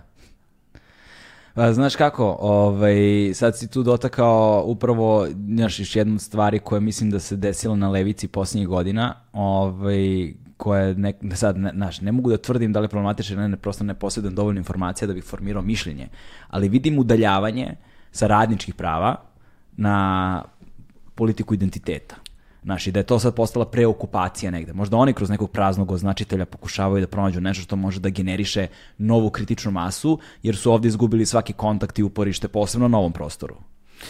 Pa jeste, i dosta je nezgodno na, na periferiji gde se mi nalazimo. I pogotovo ka, ti kad kažeš periferija, misliš na ekonomsku periferiju. na ekonomsku periferiju, tako je. Na, na to ima ono, centar, e, ima najveći rast e, i e, eksploatiše ostatak, jel, polu periferiju i periferiju. Kad, pa, pa dođe ovde neka nemačka kompanija, pa rade naši radnici za kikiriki i tako. Pa bilo je ona za reklama na CNN-u, ne znam da li se toga sećaš. A, Come to Serbia, highly skilled, cheap labor. the highly skilled cheap flavor, da. To ono ide reklama, kao visoko, sposobno, obrazovano, jef, obrazovana jeftina radna snaga. I ti to reklamiraš. On. Da. na CNN. Dođite. Tebi je, tebi, tebi je to selling point. Da, pa da, ono, kao, dođite, naši će da rade za kikiriki. Um, tako da u tom, u, u, u- u tom kontekstu uh, je dosta, znaš šta, radnička klasa, ono, nakon raspada Jugoslavije je ono, um, srednja klasa postala ono, deklasirala i došla na nivo radničke klase, a radnička klasa je skliznula u ono što um, se u literaturi često naziva underclass. Dakle, to je ova klasa još ispod, koja je gotovo nevidljiva. Jel? To, to je naša radnička klasa postala ono, posljednjih 30 godina. Um, I onda za, ta, za, za ljude koji su zaista izgubili sve, e, izgubili sigurnost, e, što se tiče posla, što se tiče mesta stanovanja i tako dalje, dosta je nezgodno organizovati i napraviti tu radničku klasu borbenom. Zbog toga, najnezgodnije je organizovati ljude koji um, a to je još kao, znaš, to je još iz Marksa, da radnička klasa nema šta da izgubi osim okova. Ovde radnička klasa ima šta da izgubi. I to ima da izgubi ovo malo koje joj znači egzistenciju. Ono, Da. Jezičak na vagi koji prevagne da prežive, da, znaš, um, da, da imaju tu penziju od 15.000. Ono, ko moj otac što ima penziju od 15.000. Kao, zamisli da, zamisli da, da, da on živi samo te penzije. I moja mama ima penziju 40.000 i to je to. Da. Eto, to je jedno domaćinstvo. A, ali sad da ne pričamo o penzionerima, pričamo o, ra, o, radno, o ljudima koji rade. Radno sposobnoj populaciji. Tako je. Um, I sad ti njih treba da organizuješ i kažeš, slušaj, ti možda budeš tu otvoren i da kažeš, vidi, možda izgubiš to radno mesto. Jel ja mogu da ti garantujem tih 15.000? Ne mogu. Znaš. I onda je to, i onda, i onda je ta, ta fama oko stranih investicija. Pa evo, bankar su došli, pa su otvorili nešto, pa će da nam pune budžet i tako dalje. To što, to što kajmak ide van zemlje, to što ti daješ u koncesije ovamo namo, aerodrome, zemljište oko aerodroma, što daješ uh, bud zašto a, a, a, infrastrukturu koju je gradio, da se vratimo na nesvrstane i na, na bivšu zemlju, što kažu Hrvati, a, koja je izgrađena u to vreme. Ti sad daješ nekom, ono, da li Kinez, da li Francuz, ne zanima me, ali daješ nekom za džabe i još ga subvencionišeš, čoveče. Da bi on tvoje radnike plaćao ono 20.000. I da im ne bi dao da idu u toalet. I postavlja, znaš, to je dosta i lako je tebi da organizuješ ono Nemce ili tamo Norvežane koji ono rade, na primjer, ne znam, rade u, fabri, u Volkswagenu. On ima prijatelju ugovorom, za, ugovorom zajamčeno pravo da ne možeš da ga izbaciš tog posla. Ono. Da. Ne možeš, brate, da si ne znam ko. I la, lako, uslovno rečeno. Nije ni njemu lako, ali, ili njoj. Ali je lakše da se boriš. Ovde je jako te... I zbog toga sada po, po- pokušaj da se levici je dosta nezgodno. Dosta je nezgodno u postsocijalističkom kontekstu. Iz milion razloga trebala bi nam još jedna emisija da bismo o tome pričali. Ali a, zbog toga se traže te neke alternativne ulazne tačke. Opet ovi označitelji prazni, pa to malo, da, da probamo na ekologiju, možda to mobiliše ljude. Jel? Da, da probamo a, malo manjinska prava, ljudska prava, možda to mobiliše ljude. Um, da probamo to, da napravimo dihotomiju za i protiv autoritarnog lidera, možda to mobiliše ljude, mada se to pokazalo da nije dovoljno. jel? Da, da ljudi prosto neće glasaju za ove druge. Kao ovaj je katastrofa, ali neću glasati. Mislim, ja sam jedan, jedan od tih. Da, da. Mislim, Tako, to, onda- to, to je ta fama o belim listićima. Fama o belim listićima, ti meni govoriš, pa taj ono, znaš, kao bivši predsjednik već deset godina me, me, me e, tlači po, po, po televizijama i govori mi da sam ja kriv za ovo. Ja kriv. Pa čoveče, ono, pa, pa ti treba da se pogledaš u ogledalo svaki dan, kažu, inače da se gleda mnogo u ogledalo. Treba, treba se pogleda u ogledalo i kaže, ono, ja sam zasrao. Nisu za, znaš, ono, a pritom ja nisam bio beli listić tada. Da. Znaš, ja sam, ja sam njega zaokružio na tim izborima. Ko što su sad u Hrvatskoj zaokružili Milanovića, ono, samo da ne bi ova došla i onda ovaj odlepio. Ono, pravi, pravi cirkus, uh, ono, ve, veći tuđman od tuđmana. Um, tako da je to dosta, znaš, ba- baš je haotično i na sve strane je. Um, I ovo što si rekao ranije oko kulta ličnosti, to lidera, ajde da go- govorimo, mislim, to nije isto. Jel? Na, Lider, je, lider je nešto što treba. Um, I onda u nedostatku ili političke partije ili lidera, um, onda se ide na sve strane. Da. I svuda pokušava se buši i sad ti ne možeš da da jasno razaznaš šta je šta. Um, neki se malo i maskiraju tom ekologijom, maskiraju. Ne maskiraju se, ali guraju to u prvi plan jer su shvatili da je ljudima to važno. I s pravom je to jel smo sad došli na, na teren ekopopulizma? Jesmo. Vidiš kako to ide? Prirodno. Samo od sebe. Pa da, samo, od sebe. Zanimljivo mi je nast, da nastaviš sa tim ekopopulizmom, nego malo pre si baš pomenuo Hrvatsku, pa mi je sad zanimljivo ovaj fenomen koji se desio na izborima u Zagrebu. Hmm. Dakle, kako objašnjavaš to? Pa Ko je tu bio prazni označitelj, ako ga je bilo uopšte na tom, u tom Da, kontekstu? bi, bilo je to e, koncept e, grada, ovo što sad pokušava Ne dajmo Beograd ovde da gura za dobar grad. Sad, da li ćeš to da zoveš dobar grad, da li ćeš da zoveš pravo na grad, kako zovu to Hrvati, to je e, dobro poznat koncept. Ja? Ali šta je to što je generisalo uh, ljude koji, koje ne mogu se generišu ovde? Dakle, znaš, kao nije to velika razlika, to je tri sata vožnje kolima, ali kao... Kojim to autom? Džipom. Dobro, če, četiri sata. Um, pa vidi, e, bi- ono što je, ajde da, da to, ne da pojednostavimo, ali da skratimo. E, mukotrpan rad koji traje više od jedne decenije, različitih aktivističkih grupa, smanjivanje sujeta između, između članova, članica različitih aktivističkih kolektiva, kojih ovde ima koliko hoćeš, i, a, a i sujeta ima koliko hoćeš. I otvaranje, strukturno otvaranje prostora u Hrvatskoj za nešto što bi se, na- što bi se moglo nazvati municipalnom politikom, jel, gradskom politikom, gradskim temama. Zgodno je to da je u Zagrebu vladao uh, Bandić 20 godina uh, kao lokalni šerif i da se otvorio taj prostor za i protiv Bandića. E, zgodno je bilo to što je Bandić SDP-ov kadar, koga je nakon što je ovaj izašao iz SDP-a podržavao HDZ. Dakle, manje više svi su mainstream akteri bili na vlasti. I ovi su uspeli dosta zgodno da mobilišu ljude oko tih nekih, to, to je leva ekipa, mislim da se razumemo. To je, to je mislim, od, od nekog levo-liberalnog do krajnje levice. Dakle, poznajem i, i neke koji su bliži centru i koji su skroz na kraju levice. Um, I uspeli su da mobilišu ljude na tim nekim gradskim temama. Koje nisu ove velike teme, veliki narativ. O tome sam nedavno sa Mikom iz Ne dajmo Beograd razgovarao. Ja sam ljubitelj velikih narativa. Meni uvek treba nešto da neko vikne ajmo drugovi. Znaš, ne, nešto mi je to, ovaj, jer mi politika nikad nije bila samo kognitivna stvar. Da.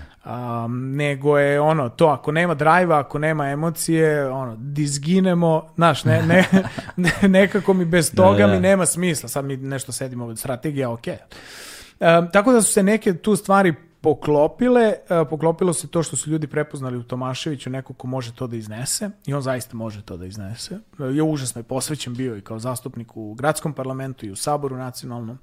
I evo, do, došlo se do toga da je čovjek uzeo više glasova u prvom krugu nego što je Bandić ikada uzeo, to je 200.000 glasova. Um, tako da je, eto, to, to je ukratko to. Ima, um, o, zanimljivo da u drugom krugu je probao ovaj Škoro, koji je ovaj domovinski pokret proustaški, uh, probali su da, da bace priču gore na velike narative, a ovo su ono, jugonostalgičari, komunjare, ono što oni hoće jeste, ne znam ja kako onaj nazvao Hasanbegović, nesretni. Ge, e, e, lesbejsko, anarhistička, nešto je on tu neku kovanicu, potpuno suludo. Ali, ono, na, na, na kraju su uspeli. Postavlja se to pitanje koliko to može se, da se aplicira ovde na, na, na Beograd. Ja mislim da ne može da se aplicira, zato što su drugi konteksti, ali da se neki, neki stvari nauče. Koji su to svakako. konteksti drugačiji? Um, pa ne znam, evo da, da, da kako da objasnim, da objasnim narod, aj narodski. Ovde, ovaj, to je ovaj, žena moja a, koja je iz Zagreba, obično voli da kaže kad dođemo u Beograd, ovde je sve na trojku. Znaš, tamo je na kecu um, i sve je onako, znaš, malo Na tihoj vatri. umiveno, malo smo to, zako, zakopčali smo ovo gornje dugme i tako, mada i ja umem da ga zakopčavam, jer živim u Zagrebu. Um, I tako je sve fino, a ovde mora da puca. Da. Znaš, ovde je to malo, uh, malo je, ipak je istok. Da, da, da, Znaš, a, malo je, uh, mislim da Tomašević ovde ništa ne bi uradio. Znaš, on, on stvarno čovjek izađe, kaže ono što treba da se kaže, kao ljudi ovo, to, to i to. Nije on neki lik koji viče, urla, maše rukama i tako dalje. A, Kao o- dritan. Kao dritan. e, a ovde, ono, plaši se da takav, ono, treba, čoveče. Ono, Da, viče, može malo i psuje, ide se bije s predsjednikom. da. Ovaj, e sad da se vratimo na taj ekopopulizam. Ajde. Ovaj, a, a, šta je zapravo ekopopulizam u ovom kontekstu i kao koje su njegove odlike? Pa evo, ista je ono što smo govorili o desnom populizmu, ista je logika. Jel? Ti uzmeš na levom spektru i to, pa, pričali smo malo o, o, o, o radništvu, o proletarijatu, kako je to nezgodno u ovom kontekstu, u ovom vremenu. Um, I onda ako ti, na primjer, imaš na, na levom spektru neispunjene zahteve, kao što su sindikalni, radnički, manjinska prava, ženski glasovi se ne čuju, to su sve neke teme kojima bi levica trebalo da se da se bavi, makar ovo u 21. veku, um, i onda neizostavna tačka za levicu u 21. veku je ekologija, uh, koja je postala, evo videli smo pre 2-3 dana koliko je to baš burning. Da, da, da. Svi, šeruju, da, svi da. šeruju ovu Gretu Thunberg Gretu i ono kao, Thunberg, vruće, a? Vruće, a? Vruće, e. E, I kako je to sve Da. e, stoji na tom spektru, onda pošto su ova druga, ovi drugi zahtevi um, nisu baš pogodni da, da izađu u prvi plan, ovaj zahtev se čini kao neki, kao zahtev za, ne znam, obnovljivom energijom, za ne, ne damo reke i tako dalje. Zapravo negde su ekopopulizam i levi populizam vrlo slični zato što, Jesu. zato što je njihov prazni označitelj ta ekologija. Dobro, jer- levi jer- jer- nije svuda, nije svuda. U Španiji, na primjer, je prazni označitelj bio baš politički i imao je veze sa ekonomskom krizom. Um, ekonomska kriza koja je dovela do znatnog uh, to osiromašenja je, velikog broja ljudi srednje klase i još dodatnog osiromašenja ljudi radničke klase, gde se pravi ta, to je karakteristično za populizam, ta dihotomija između nas i njih. A, 99% protiv 1% Wall Street je isto primer populizma. De, u Španiji je to bilo mi, pueblo, narod protiv njih, establishmenta ili kaste, kako su oni zvali. Um, tako, e, tako, tako da je, po, ajde da kažemo da je m, političkija je bila podela u ovom tradicionalnom uh, smislu nego što je to slučaj sa, sa, sa ekologijom. Ovde se, ne samo ovde, nego u, u dosta, pa evo, mislim, u Nemačkoj su zeleni uh, um, vodeća, vodeća politička snaga posle ono, decenija i decenija. Uh, I to nije slučajno. Jel? Uh, Da, da, da se kroz zelene teme pokušava da, da mobiliše ljude mm, i onda da se usput kroz tu temu artikulišu i ostali zahtevi.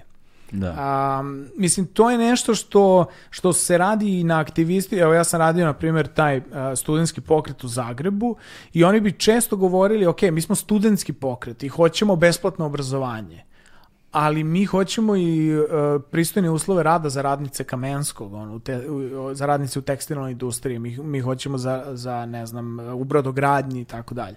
Dakle, studentska prava da, ali i radnička prava, ali i manjinska prava, ali i, o- i zelene politike. Dakle, samo je pitanje toga šta isturiš u prvi plan i šta je ta, ta št- koji je to zahtev koji može da mobiliše i kroz koje onda mogu da se filtriraju i ostali ne, neispunjeni zahtevi. U ovom momentu u Srbiji je to jedan kroz jedan ekologija i em, zato što se ona čini manje politikanskom Da. od ovih drugih tema. Kao Aj, i, aj, aj dodirujete na svakodnevnom i nivou. dodirujete na svakodnevnom nivou. Da, ono zagađenje vazduha, Yes. a, evo Yes. sad klimatske promene koje osjećamo na svojoj koži kroz Da. ove ekstremne temperature kakve ranije nismo Yes. viđali. I to ne znači da su sada to neke postmoderne teme koje uh, sada šta znači ono ne znam zagađen vazduh ili 4 stepeni on čovjek tamo koji nema posao znaš kao da Poenta je u tome da je ovo jako dobro a, zbog toga što um, što dobija užasno puno pažnje, užas, jako puno ljudi je angažovano, involvirano u tim i pokretima i Da. procesima. Odbrani- ono što je ono što je, stare planine. Da, ono što je presmešno jeste da sad ovi političari neki pokušavaju da se ono Zelenović je.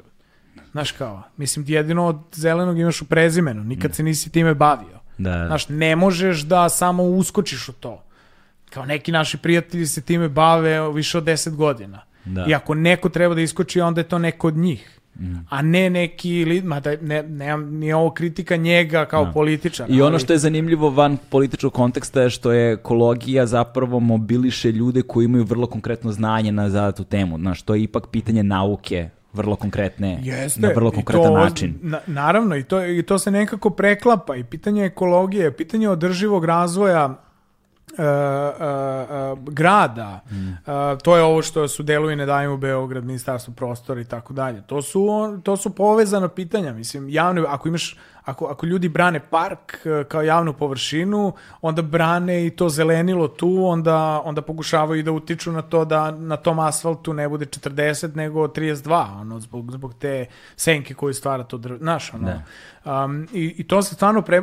Sve što treba, sve što treba, gle sad ja da kažem, sve što treba da napraviš, sa- samo još da, da jeste da, da se napravi jedna, jedna smislena celina od svih tih uh, zahteva koji su kompatibilni.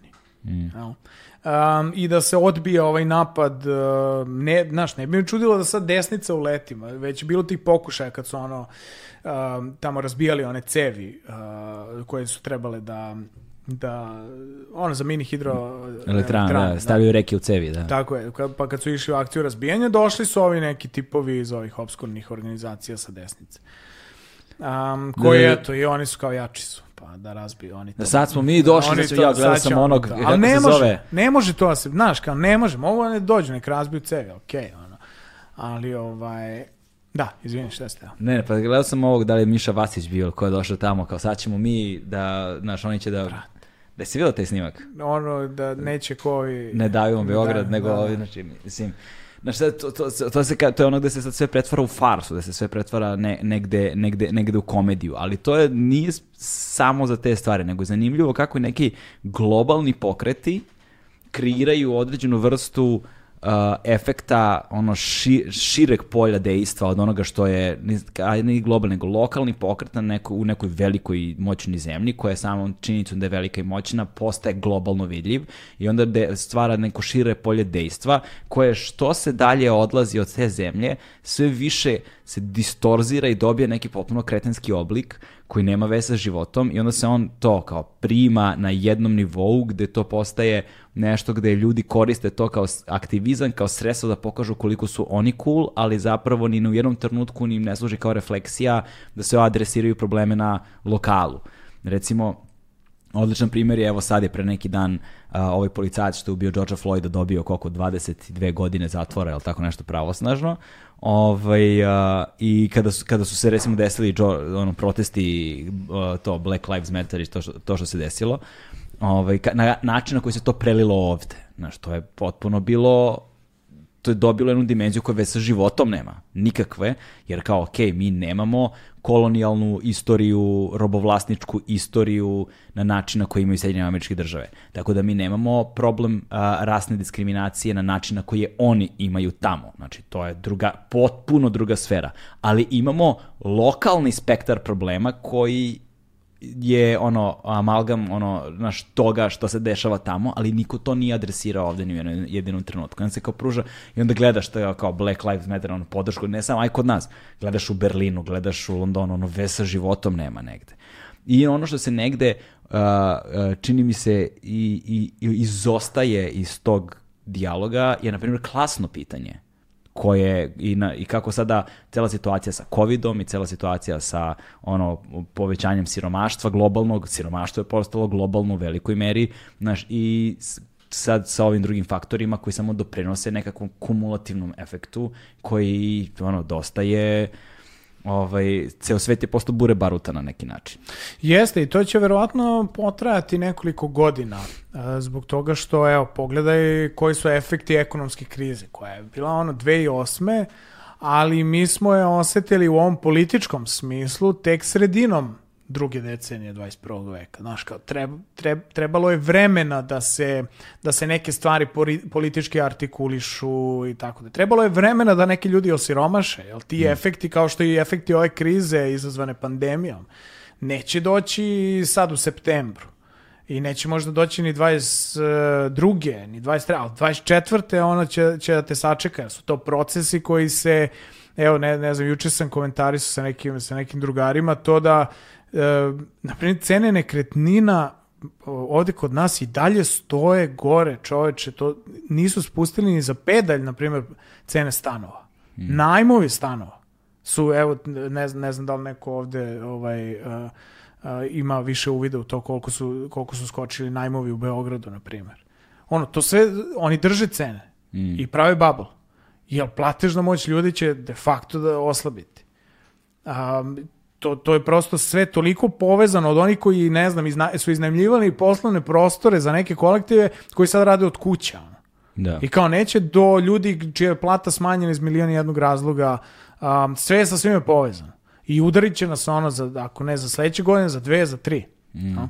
I samo je pitanje toga da li ćemo mi za dve, za tri uspeti da osmislimo neku strategiju političku koja će moći to nezadovoljstvo da sve onako ko ovi reke što pokušavaju da gurnu da kroz jednu ili dve cevi um, artikulišemo to političko nezadovoljstvo ili životno nezadovoljstvo, nezadovoljstvo svakodnevnim životom i da li će to moći da se, da se kod nas dogodi nešto slično što se dogodilo u Španiji ili u Grčkoj 2014. kada je ta neka leva opcija došla, pa posle na, nije napravila puno toga, pa je onda otišla Napravila ništa. napravila ništa. Um, a nije ništa, znaš, Da. ono, to su opet da se vrati na ovo što si rekao kao levica, sad i, i pitanje klase i tako dalje. Dosta je to nezgodno da, znaš, ne znam, Siriza je napravila to da svako novorođeno migrantsko dete u Grčkoj automatski dobija pasoš. Da. Na, državljanstvo Grčke. Mislim, to je ogromna važna stvar za tebe i mene, ne toliko, ali za svu tu decu koja su to dobila. Da. Znaš, ti, e, ja nisam neko ko, to je uvek leš između sociologa i politikologa. Ovaj, sociolozi uvek, e, mada sam ja jedno i drugo. Mm. Znaš, kao doktorirao sam zapravo s- više na sociologiji nego na politikologiji, a ovo prethodno mi je bilo politikološko. Um, da ja razumem da su politički proces, dinamika političkog uh, uh, života je drugčija od one društvene. Neke stvari možeš, neke stvari ne možeš, a neke stvari možeš pre, neke stvari možeš kasnije. I to sve ne abolira, ne znam, Sirizu od toga što je napravila a, glupost, pa a, se poklonila opet ovim institucijama finansijskim umjesto narodu koji ih je birao. Ali nije to baš lako, znaš. Nije to baš lako. I to je sad u Zagrebu isto možemo je došao, Tomašević po, postao gradonačelnik i sad šta ćemo mi sve četiri u vis?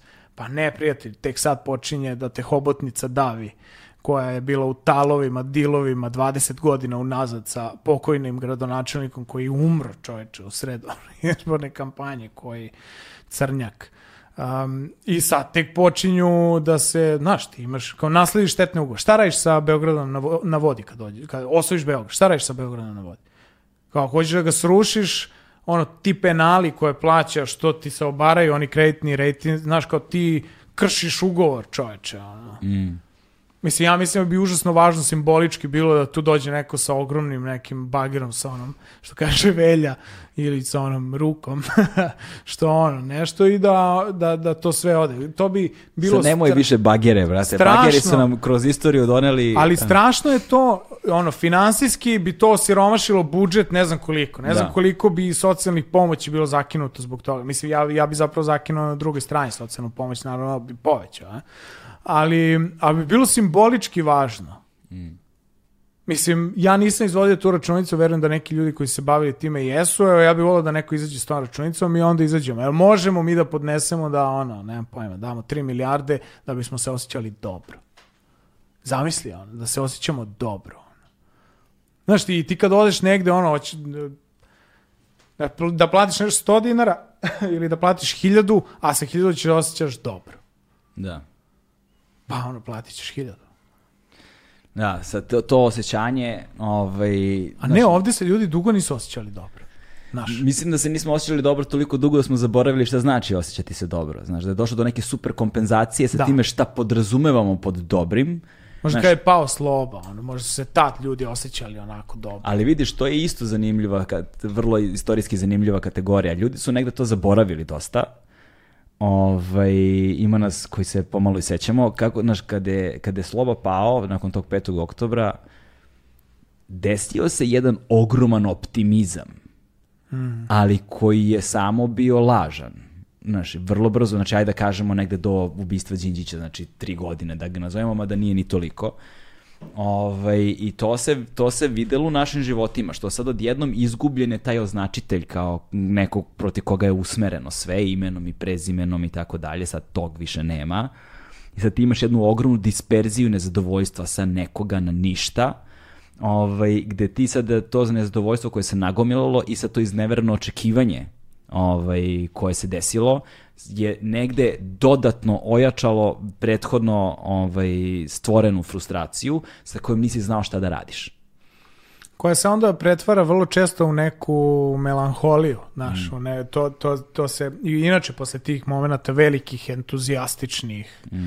koje ti percipiraš kao pobedu, a onda se posle ispostavi da nije, to je kao ono da dobiješ utakmicu i onda ti neko kaže ono, bio offside. da, da, da, da, da, da. I onda što ovako, ono, ne možeš ni da igraš sledeću koliko si se smorio. Da. A samo što to kod nas traje već 20 godina. Da, i onda se ulazi u nekakvo stanje letargije ili ne znam ti ni ja, sad ne, ne, ne bih umeo više ni da objasnim, sigurno je mnogo kompleksnije pitanje i mnogo je više faktora, sad pričamo onako otvoreno pa kao naš pucamo u prazno pa šta da. pogodimo, znaš, ali fore u tome što negde govor, govorio si o tome sa problemima radničke klase i kao um, da ljudi žive bedno, ali kao sad, naš, ono, pod opasnošću, razumeš da zvučem grozno, kao nedovoljno bedno da bi inicirali promenu.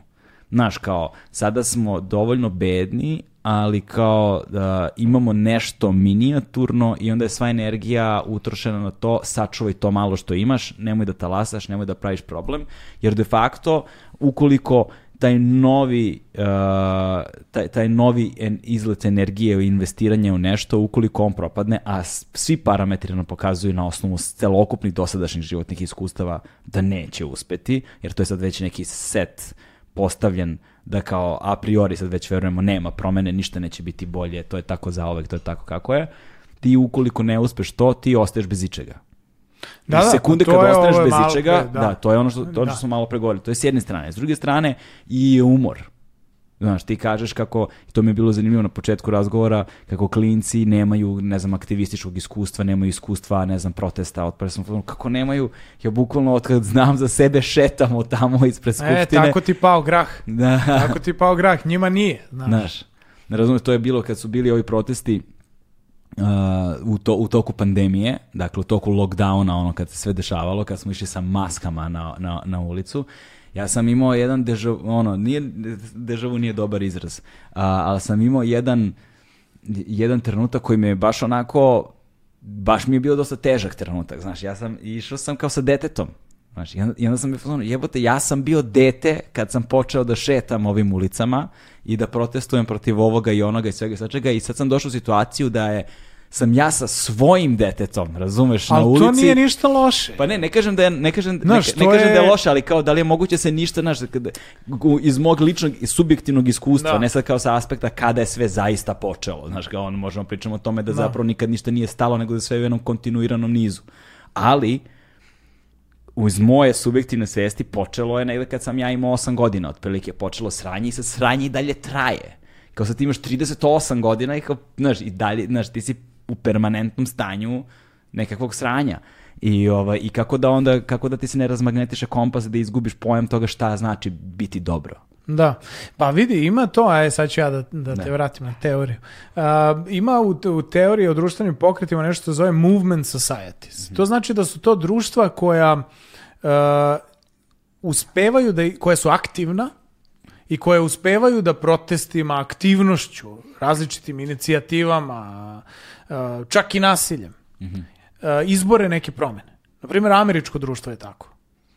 Znaš, uh, čitava stvar oko, oko pokreta za građanska prava, oko izjednačavanja rasnog što se tiče građanskih prava i tako dalje. Izboreno od ozdo. Niko nije došao i rekao tamo iz senata je aj to da napravimo. Dok nije izbilo sranje. Da. Um, meni se, pravo ti kažem, meni, je, meni se dopada to što ovde ne dopada mi se to što se ćuti na stvari na koje ne bi trebalo se ćuti, a često se ide, va, ide napolje za stvari za koje ne bi trebalo se ide napolje. Da. Znaš. Ali mi je draže da se ide često napolje nego se ne ide uopšte. Znaš. A, ima društava koja nisu sklona, nemaju taj, e, taj prosto sentiment. E, Postoje d- društva koje, koje jesu angažovana, ali ljudi ne pribegavaju tim nekim. Preće da piše nekom u opštini kao da, da nešto nije Kao u redu. primjer koje su to društva? Pa ne znam, mislim da, da, da to jesu ona gore, ona severna Evropa, gde stvari institucionalno funkcionišu. E tu možemo govoriti o poverenju. Pa u institucije. Mo- možemo da govorimo o poverenju u institucije. To, to Da. možemo. Podrška ide strankama, Jest. ali institucijama ide poverenje. Da. Jest, može da ide Znaš. poverenje institucijama. To da, da ti imaš poverenja, na primjer, u, otko znam, sudski sistem. A, da, da ćeš imati... Sam misli to. Da, zamisli to. Zamisli poverenje da se sprovodi zakon. Kao. Ali gle, evo, na primjer, možemo govorimo o poverenju u kontekstu medija? Ne. Kao, ko, znaš, ti sad veruješ šta? Evo, evo, odmah ću ti Ne. reći ne. Pa to ti kažem, jel možda da veruješ javnom, ima nešto što se zove javni servis. Javni servis plaćaju svi ljudi da bi taj javni servis izveštavao u interesu, na, u interesu ljudi koji ga plaćaju. Da. To je nešto kao nešto javno dobro. Da se, nešto bavi, je- da se bavi pitanjima od javnog značaja, Jeste. od javnog interesa. Jeste, samo što ovdje, znaš, kao, kao šta je to javno? Kao, ne, nema javno. Ovo, Baš sam, evo, to baš sam se juče dopisivao sa prijateljem iz Zagreba, koji meni kaže, o, što kao ti ne probaš, ne znam, znaš, sa svojim ovim da odeš neku televiziju, ovo sam bio ono, kućo, ti ne da nisi upućen u to šta se dešava u medijima danas. Ovaj, Ali sa obe strane. sa obe strane, Sa obe tako je. strane. Uopšte nije sad stvar, ti gledaš ove neke ove pinkove i to, pa je to grozno. Da. Mislim, s ove druge strane, ono, izvinjavam se, ali 80% tog sadržaja je, ono, smeće. Znaš, kao ti neki likovi, ja kad vidim ove neke, ja kad vidim onog Bobana Stojanovića, meni ja dva dana sreće nema. On, brate, on dođe i meni ispriča šta piše u novinama tog dana. Nikakva ore, onaj Cvetin Milivojević, šta je ono, brate? Koje su to, koje su to ideje? On, do, on dođe i priča da je Vučić kriv za sve. Pa mislim, to da zna, zna i moj pas je, da, je, Da. da je Vučić kriv za sve. A pritom nije, ali ajde. Da. Nema, nema, nema ljudi koji, koji se usude da, da, da kažu nešto što je... Ima, ima takvih ljudi, ali ih je malo. Ima, ta, ima puno takvih ljudi koji nisu izloženi, uh, koji, koji nisu medijski eksponirani. Ima jako puno. Ja ih znam i, pre, i verujem da ih i ti znaš jako puno. Ali od ovih ljudi koji se non stop pojavljaju, Da. pa meni je to isto, prijatelju. I sa ove i sa one strane. Ne samo što i, ne- ne- možda ih ima više, ali ne dobijaju prostor. Pa to ti to je kažem, s jedne ne, ne strane, znaš, dobijaju nemaju prostor. gde da ga dobiju. Znaš. Ne A- dobijaju prostor zato što će ovaj lik uvek da dođe, uvek da se odazove na poziv, nikad neće reći, e, glupa mi je ta tema. U stvari, nikad neće ni pitati šta je tema. Da, Da. možda dođeš? Mogu. Šta je tema? Nije važno. Mogu da pričam, pa možemo ja i ti, možemo svi da pričamo na sve teme na koje hoćemo, da. znaš kao, To je svi smo dovoljno inteligentni da možemo to da, Da, to je radimo. Oskar Wilde rekao, najviše volim da pričam ni o čemu, to je jedino o čemu sve znam. A tako je, a to je ono, znaš, ono, do, dođe lik i drvi ono 45 minuta o tome šta piše tog dana u novinama. Da. Pa mislim, ko, kome to treba, ko, kome to zanimljivo? Pa jedino nekom ko, ne znam, ono, ne, ne vidi dobro pa ne može pročita novine. Pa sluša toga da mu prepriča. Ja ne znam čemu to služi. I, znaš, kao, de- dešavalo se i meni, ono, zove me i kao, ja, ka, ja kažem šta je tema, kažem mi šta je tema, ja kažem izvini, ali meni ta tema, evo, juče su me zvali za ovaj, um, što nije premestio ambasadu iz Tel Aviva u Jerusalim. E, mnogo me to zabole Da, da. što nije premestio ambasadu. Ne mogu, znaš, kao neke te, ne, ne mogu da, da, da, nije mi nešto važno, nešto mi je važno, nešto mi nije važno. A ovi tipovi idu i, znaš, Osvajaju Udri medijski prostor, da. odakle im vremena? I tu je Šta reci- rade da, u životu? To rade. Znaš, oni su, oni su skapirali moć takvih, oni su skapirali moć tih platformi i tu je, to, to je ono što je... A ne dobijaš ti lovu za to. Mislim, ja, Da. ja makar nikad nisam dobio lovu, što oni dobijaju? E, vidiš, to je dobro pitanje, čega zarađuju? To je ono, od čega ti živiš prije? Od čega ti... to je sad interna fora. Da. Ovaj, a, ali, je, ali, je, ali je, tu je fora u tome što u medijima u Srbiji ogromna količina novca se zapravo uopšte ne kreće tržišno, ona se kreće politički. Znaš, i onda ti možda imaš na istom tom javnom servisu jebi ga seriju koja se 30 godina reprizira. Znaš, i stalno je, ono, znaš, zar nemaju potrebe za nečim drugim. E, si primetio kad to kažeš, ona serija, kad si to spomenuo, sad ste bacili na potpuno drugu temu, ali to mi je užasno bitno.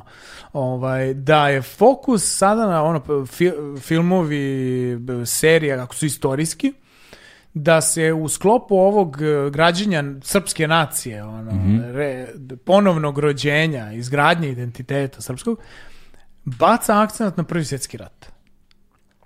Više niko ne priča, zato što oko drugog svjetskog rata postoje te dvojbe, su četnici, antifaljani nisu anti, zapravo za mene ne postoje, ali se tako, Da, da, to da. tako predstavlja. To je to, to je Dubravka I Stanović lepo baca se na prvi svjetski rat akcenat, jer tamo nedvojbeno, kao je srpska vojska bila na pravoj strani. Da, da, da. I sve ono, znaš, koliko tog sadržaja više u prvom svjetskom ratu, onaj kralj Petar i šta Znaš da ja nisam ništa, ništa od toga gledao. A nisam ni ja. Da, nisam žao ništa gledao. Nisam, voleo bi.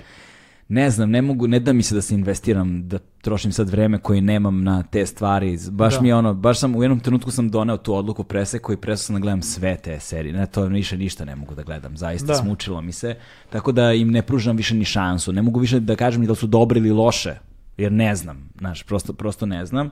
Ali da, postoji taj mit o nekoj velikoj istini za drugog svjetskog rata i kao na kojem se sad sve gradi, znaš, kao da li su ovi bili, znaš, to je, to je, ne znam ko je to rekao, mislim da je Dubrovka o tome govorila lepo, kaže, sad kad bi neki vanzemaljac pao s Marsa, znaš, pa otvorio dnevnu štampu, on bi pomislio drugi svjetski rat i dalje traje, Da. pobednik je neizvestan, mi ne znamo ko nam je neprijatelj, a ko nam je, ono, znaš, sa, sa, kime, sa kime sarađujemo, sa kime, sa kime, protiv koga se borimo, znaš, i A te- šizofreno je. Potpuno, Znaš, a šizofreno bilo, je. pa To je- meni je došao, meni je došao gost koji je arheolog, jel te, znači koji je govorio o, o, o, o ranom neolitu, znači kao na ovim prostorima, znači ono 7000 godina pre, kao naš, pre 7000 godina dešavanja, o tome kako je zapravo e, kultura lepenskog vira postala, ka- kako i zašto je ta kultura lepenskog vira postala značajna, kao dokazali su kako i zašto je postala značajna, koja je stvorila Starča, koja je posle stvorila a, vinčansku kulturu koja je bila najznačajnija, jedna od najznačajnijih kultura, ako ne najznačajnija kultura u Evropi tog doba. I kao sad ti imaš, kao kako se desio taj kvantni skok civilizacijskih lepenaca, desio se zato što je dokazano i sad to je, ne znam, e, istraživački rad u kojem je učestvovalo preko 150 internacionalnih institucija finansirali od MIT-a do ne znam koga sve, kao pa učestvovalo preko 200 međunarodnih naučnika u interdisciplinarno, dakle od ono istoričara, arheologa, uh, evolucionih biologa, ne znam i tako dalje, znači razno razni su tu učestvovali i kao pokazali su i dokazali o migracije, za- zato mi je ta tema bila zanimljiva, kako su zapravo ljudi iz ranog neolita uh, u oblasti dakle, Bliskog istoka dolazili, kao taj, taj polumesec kretanje, zapravo je zanimljivo kako su ta kretanje dalje ista.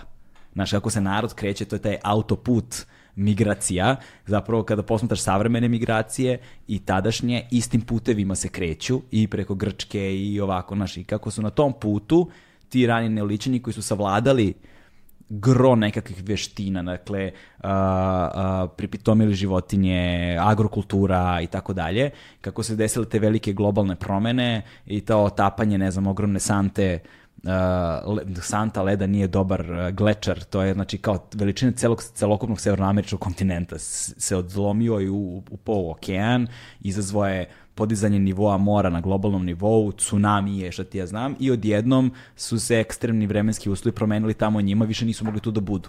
I oni su se, i, i izašli su iz nomadske faze, došli su ono, ustalili su se na jednom mestu, samim time su njihove porodice bile veće, više nije bilo dvoje, troje dece, nego bude ih ono čergu celu voku sa sobom, krenuli su putem, jel te, ovamo. I gde god su nailazili jedni na druge te neoličane, sukobljavali su se prvi koji su ih prihvatili su zapravo bili lepenci. I onda, I onda u tom sudoru, to su dokazali sa tim grobnicama, gde se vidjelo Da. po, po načinu sahranjivanja, dakle, kroz da- datiranje kostiju, dakle, naučno dokazano, kroz datiranje, to karbonsko datiranje kostiju, su pokazali da je to bilo u isto vreme, u istim grobnicama si imao, ono, uslovno rečeno, bračne parove, znači, kolokvijalno rečeno bračne parove, gde je jedan sahranjen po tra, običajima s ovih prostora, jedan sa po običajima onih prostora. Dakle, bili su mešoviti brakovi. Pa su bila deca tih mešovitih brakova. I da su oni u tom kontaktu kulturološkom prenosili znanje, veštine, alate i desio se kvantni skok koji je promenio i civilizacijski tok. Pa I čovječe, on čovjek da, se priča... ljudi, da, da se ljudi nisu mešali, groktali bi, Pa to- ono bi i, dalje. on- je. Pa, I mislim, on sad meni priča o tome i ljudi se javljaju sram te bilo anti-Srbinu. Da, Znaš, da. kao autohtoni narodi sa ovih fazonu, jebote ljudi pre 7000 godina. Znaš, pre 7000 Ma godina. lažeš, nije tad bilo Znaš, ništa. to sans, sanskrit, čirilica i te fore. Da, da, lažeš Razumeš? bre, krenulo 91. sve. korona, 5G, 5G ti prenose ti preko 5G koronu, a onda te čipuju vakcinom. Znaš, to su, to, je, to su ti isti ljudi. Ali to je... A, a kamoli, izvini, a kamoli drugi svjetski rat. Pa to Da. je juče u odnosu na tu istoriju, A razumiješ? da. To je, znaš, e, i to je zasebna tema. Možda možemo sljedeći put za jedno dve godine da pričamo na temu vakcina. Ja, ovaj Da. antivakser. To bi mi bilo jako interesantno da istražujem, mada vidim da, da već ljudi kreću. Mm. Mislim, to nije novi fenomen. A, to, od kad je nastala prva vakcina imam antivaksera. Pa da, je ali, 19. ali pojačavanje tih narativa i njihov zamajac je upravo dalo, uh, je, i upravo se stvorilo zahvaljujući na tom nepoverenju, koje je izgu- poverenju koje je izgubljeno u medijski ekosistem. I u medijski, i u, ali to je potpuno suludo. Naprimjer, u Americi su najveći antivakseri republikanci. Da. koji, čiji je glavni argument, to je farmakomafija. Znaš, kao, to je biznis, uh, interes farmakoindustrije na uštrbu ljudskog zdravlja. A oni bi valjda trebalo da veruju da je biznis model dobar za sve, Da. za sve ovaj, e, prilike, ali ovde kao ne, baš zbog toga što znaju da je biznis a, iza svega, oni ne veruju. I ne veruju uopšte taj koncept javnog. Da. Kao ne postoji tako nešto kao što je javno zdravlje.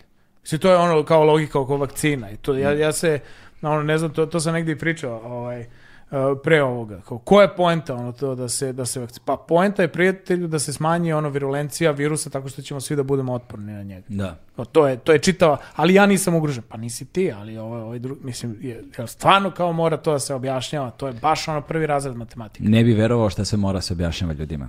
Da. Znači, zna. ni- ništa se ne pretpostavlja, na kojim nivoima, znači, na koji nivo mi moramo danas da svedemo uopšte razgovor kao takav.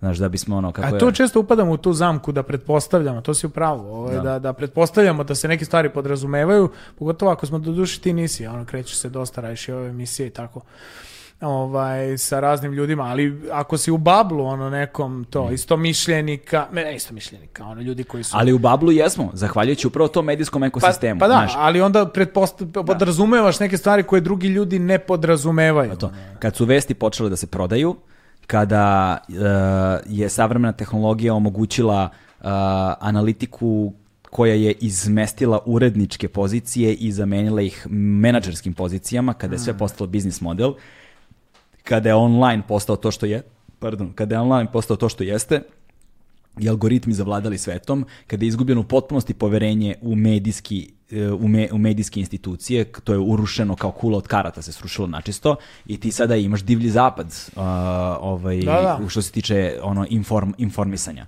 I kad imaš divlji zapad informisanja i kad imaš algoritme koji funkcionišu kako funkcionišu, to- ovo je rezultat. Znaš, ovo je rezultat. I kao, kome ćeš ti sada da veruješ? Kako se uspostavlja uopšte koncept poverenja ponovo? Znaš, kao, na koji način se on gradi? Kako se on gradi politički? Je li to kako pitanje ili retoričko pitanje? pa jedno i drugo jebem li ga, razumeš? Znaš, kako, kako se izgradi sa to, to, to, poverenje u političkom kontekstu ako ti nemaš a, medijski kontekst unutar kojeg možda deluješ? A znaš šta, ja, ja mislim da je to poverenje se, da sad to nekad jedna od ovih baz reči koja se non stop transparentnost, trans, transparentnost, ali ja stvarno verujem da ovaj, Transparentnost. Da. Ako čovječe ono stan, zauzmeš neko, evo ti iskoristi nove tehnologije kako treba, ono, streamaj sve sastanke čovječe. Da. Streamaj sve sastanke i ko hoće gleda može gleda. Ako si gradonačelnik, ono, ne, ma, ne znam čovječe, ako nekog treba da se prati, prisluškuje svaki korak da se zna, osim kad uđe, dođe, dođe u spavaću sobu, Da. dnevno isto, onda soboj su, i, i toalet. da, onda su to ljudi na javnim funkcijama. Mislim, umjesto da oni uh, špioniraju nas, mi treba zapravo da špioniramo njih. Tu sad postoji još jedan problem, a, a to je, kao što je recimo sa profesorom Svetislavom Kostićem sam govorio o po- problemu poreskog sistema, ne samo kod nas, globalni problem koji postoji. Dakle, internet je napravio globalni problem zato što se celokupan poreski sistem bazirao na lokaciji dešavanja, sad se dešava sve u metafizičkom prostoru, jel te? Onda sam razgovarao sa još gomilom drugih ljudi i ispostavlja se da je da rešenja za brojne probleme, da, postoje, i rešenja su relativno jednostavna u kontekstu o, kako treba da se izvedu, ali ono što je problem jeste što ne mogu da se izvedu za vreme jednog mandata. Ne mogu se izvedu Tako za je. vreme jednog ili dva mandata i onda To ne je- postoji interes To ti je da ovaj način koji sam ja ranije rekao, pa sam prečutao, nisam teo da kažem da, da. koji je. Pa da kakva demokratija, nije to zgodno. Ove, ili što bi Rambo rekao u razgovoru koji smo imali, raz, e, razgovor se uvek odvija na nivou glupljega. I to je ono gde ništa zapravo ne smije da, Da. se podrazume u tom kontekstu. Da. Dobro, ovaj, nadam se da smo rekli neke pametne stvari, ovaj, ali mi je pre svega drago da smo se malo podružili i da sam te uhvatio u malom raskoraku dok si ovde, tako da nije mi bio potreban povod, bilo mi je važno da si tu, znaš. Pa da se vratiš sledeći put kada bude bilo nešto konkretno, razgovarat ćemo na konkretne teme. Ovaj, hvala ti puno što si došao. Neću, ne, bih te, ne bih te više zadržavao, znam te čeka ovaj, dvomesečna beba kod kuće, ovaj, a ko zna koliko poruka ti je umeđu vremenu stiglo. Sećam se tog perioda ovaj, e, sa zadovoljstvom naravno i znaš, ostajemo da se družimo, to je to. Može, hvala ti. Hvala tebi, brate. Ćao.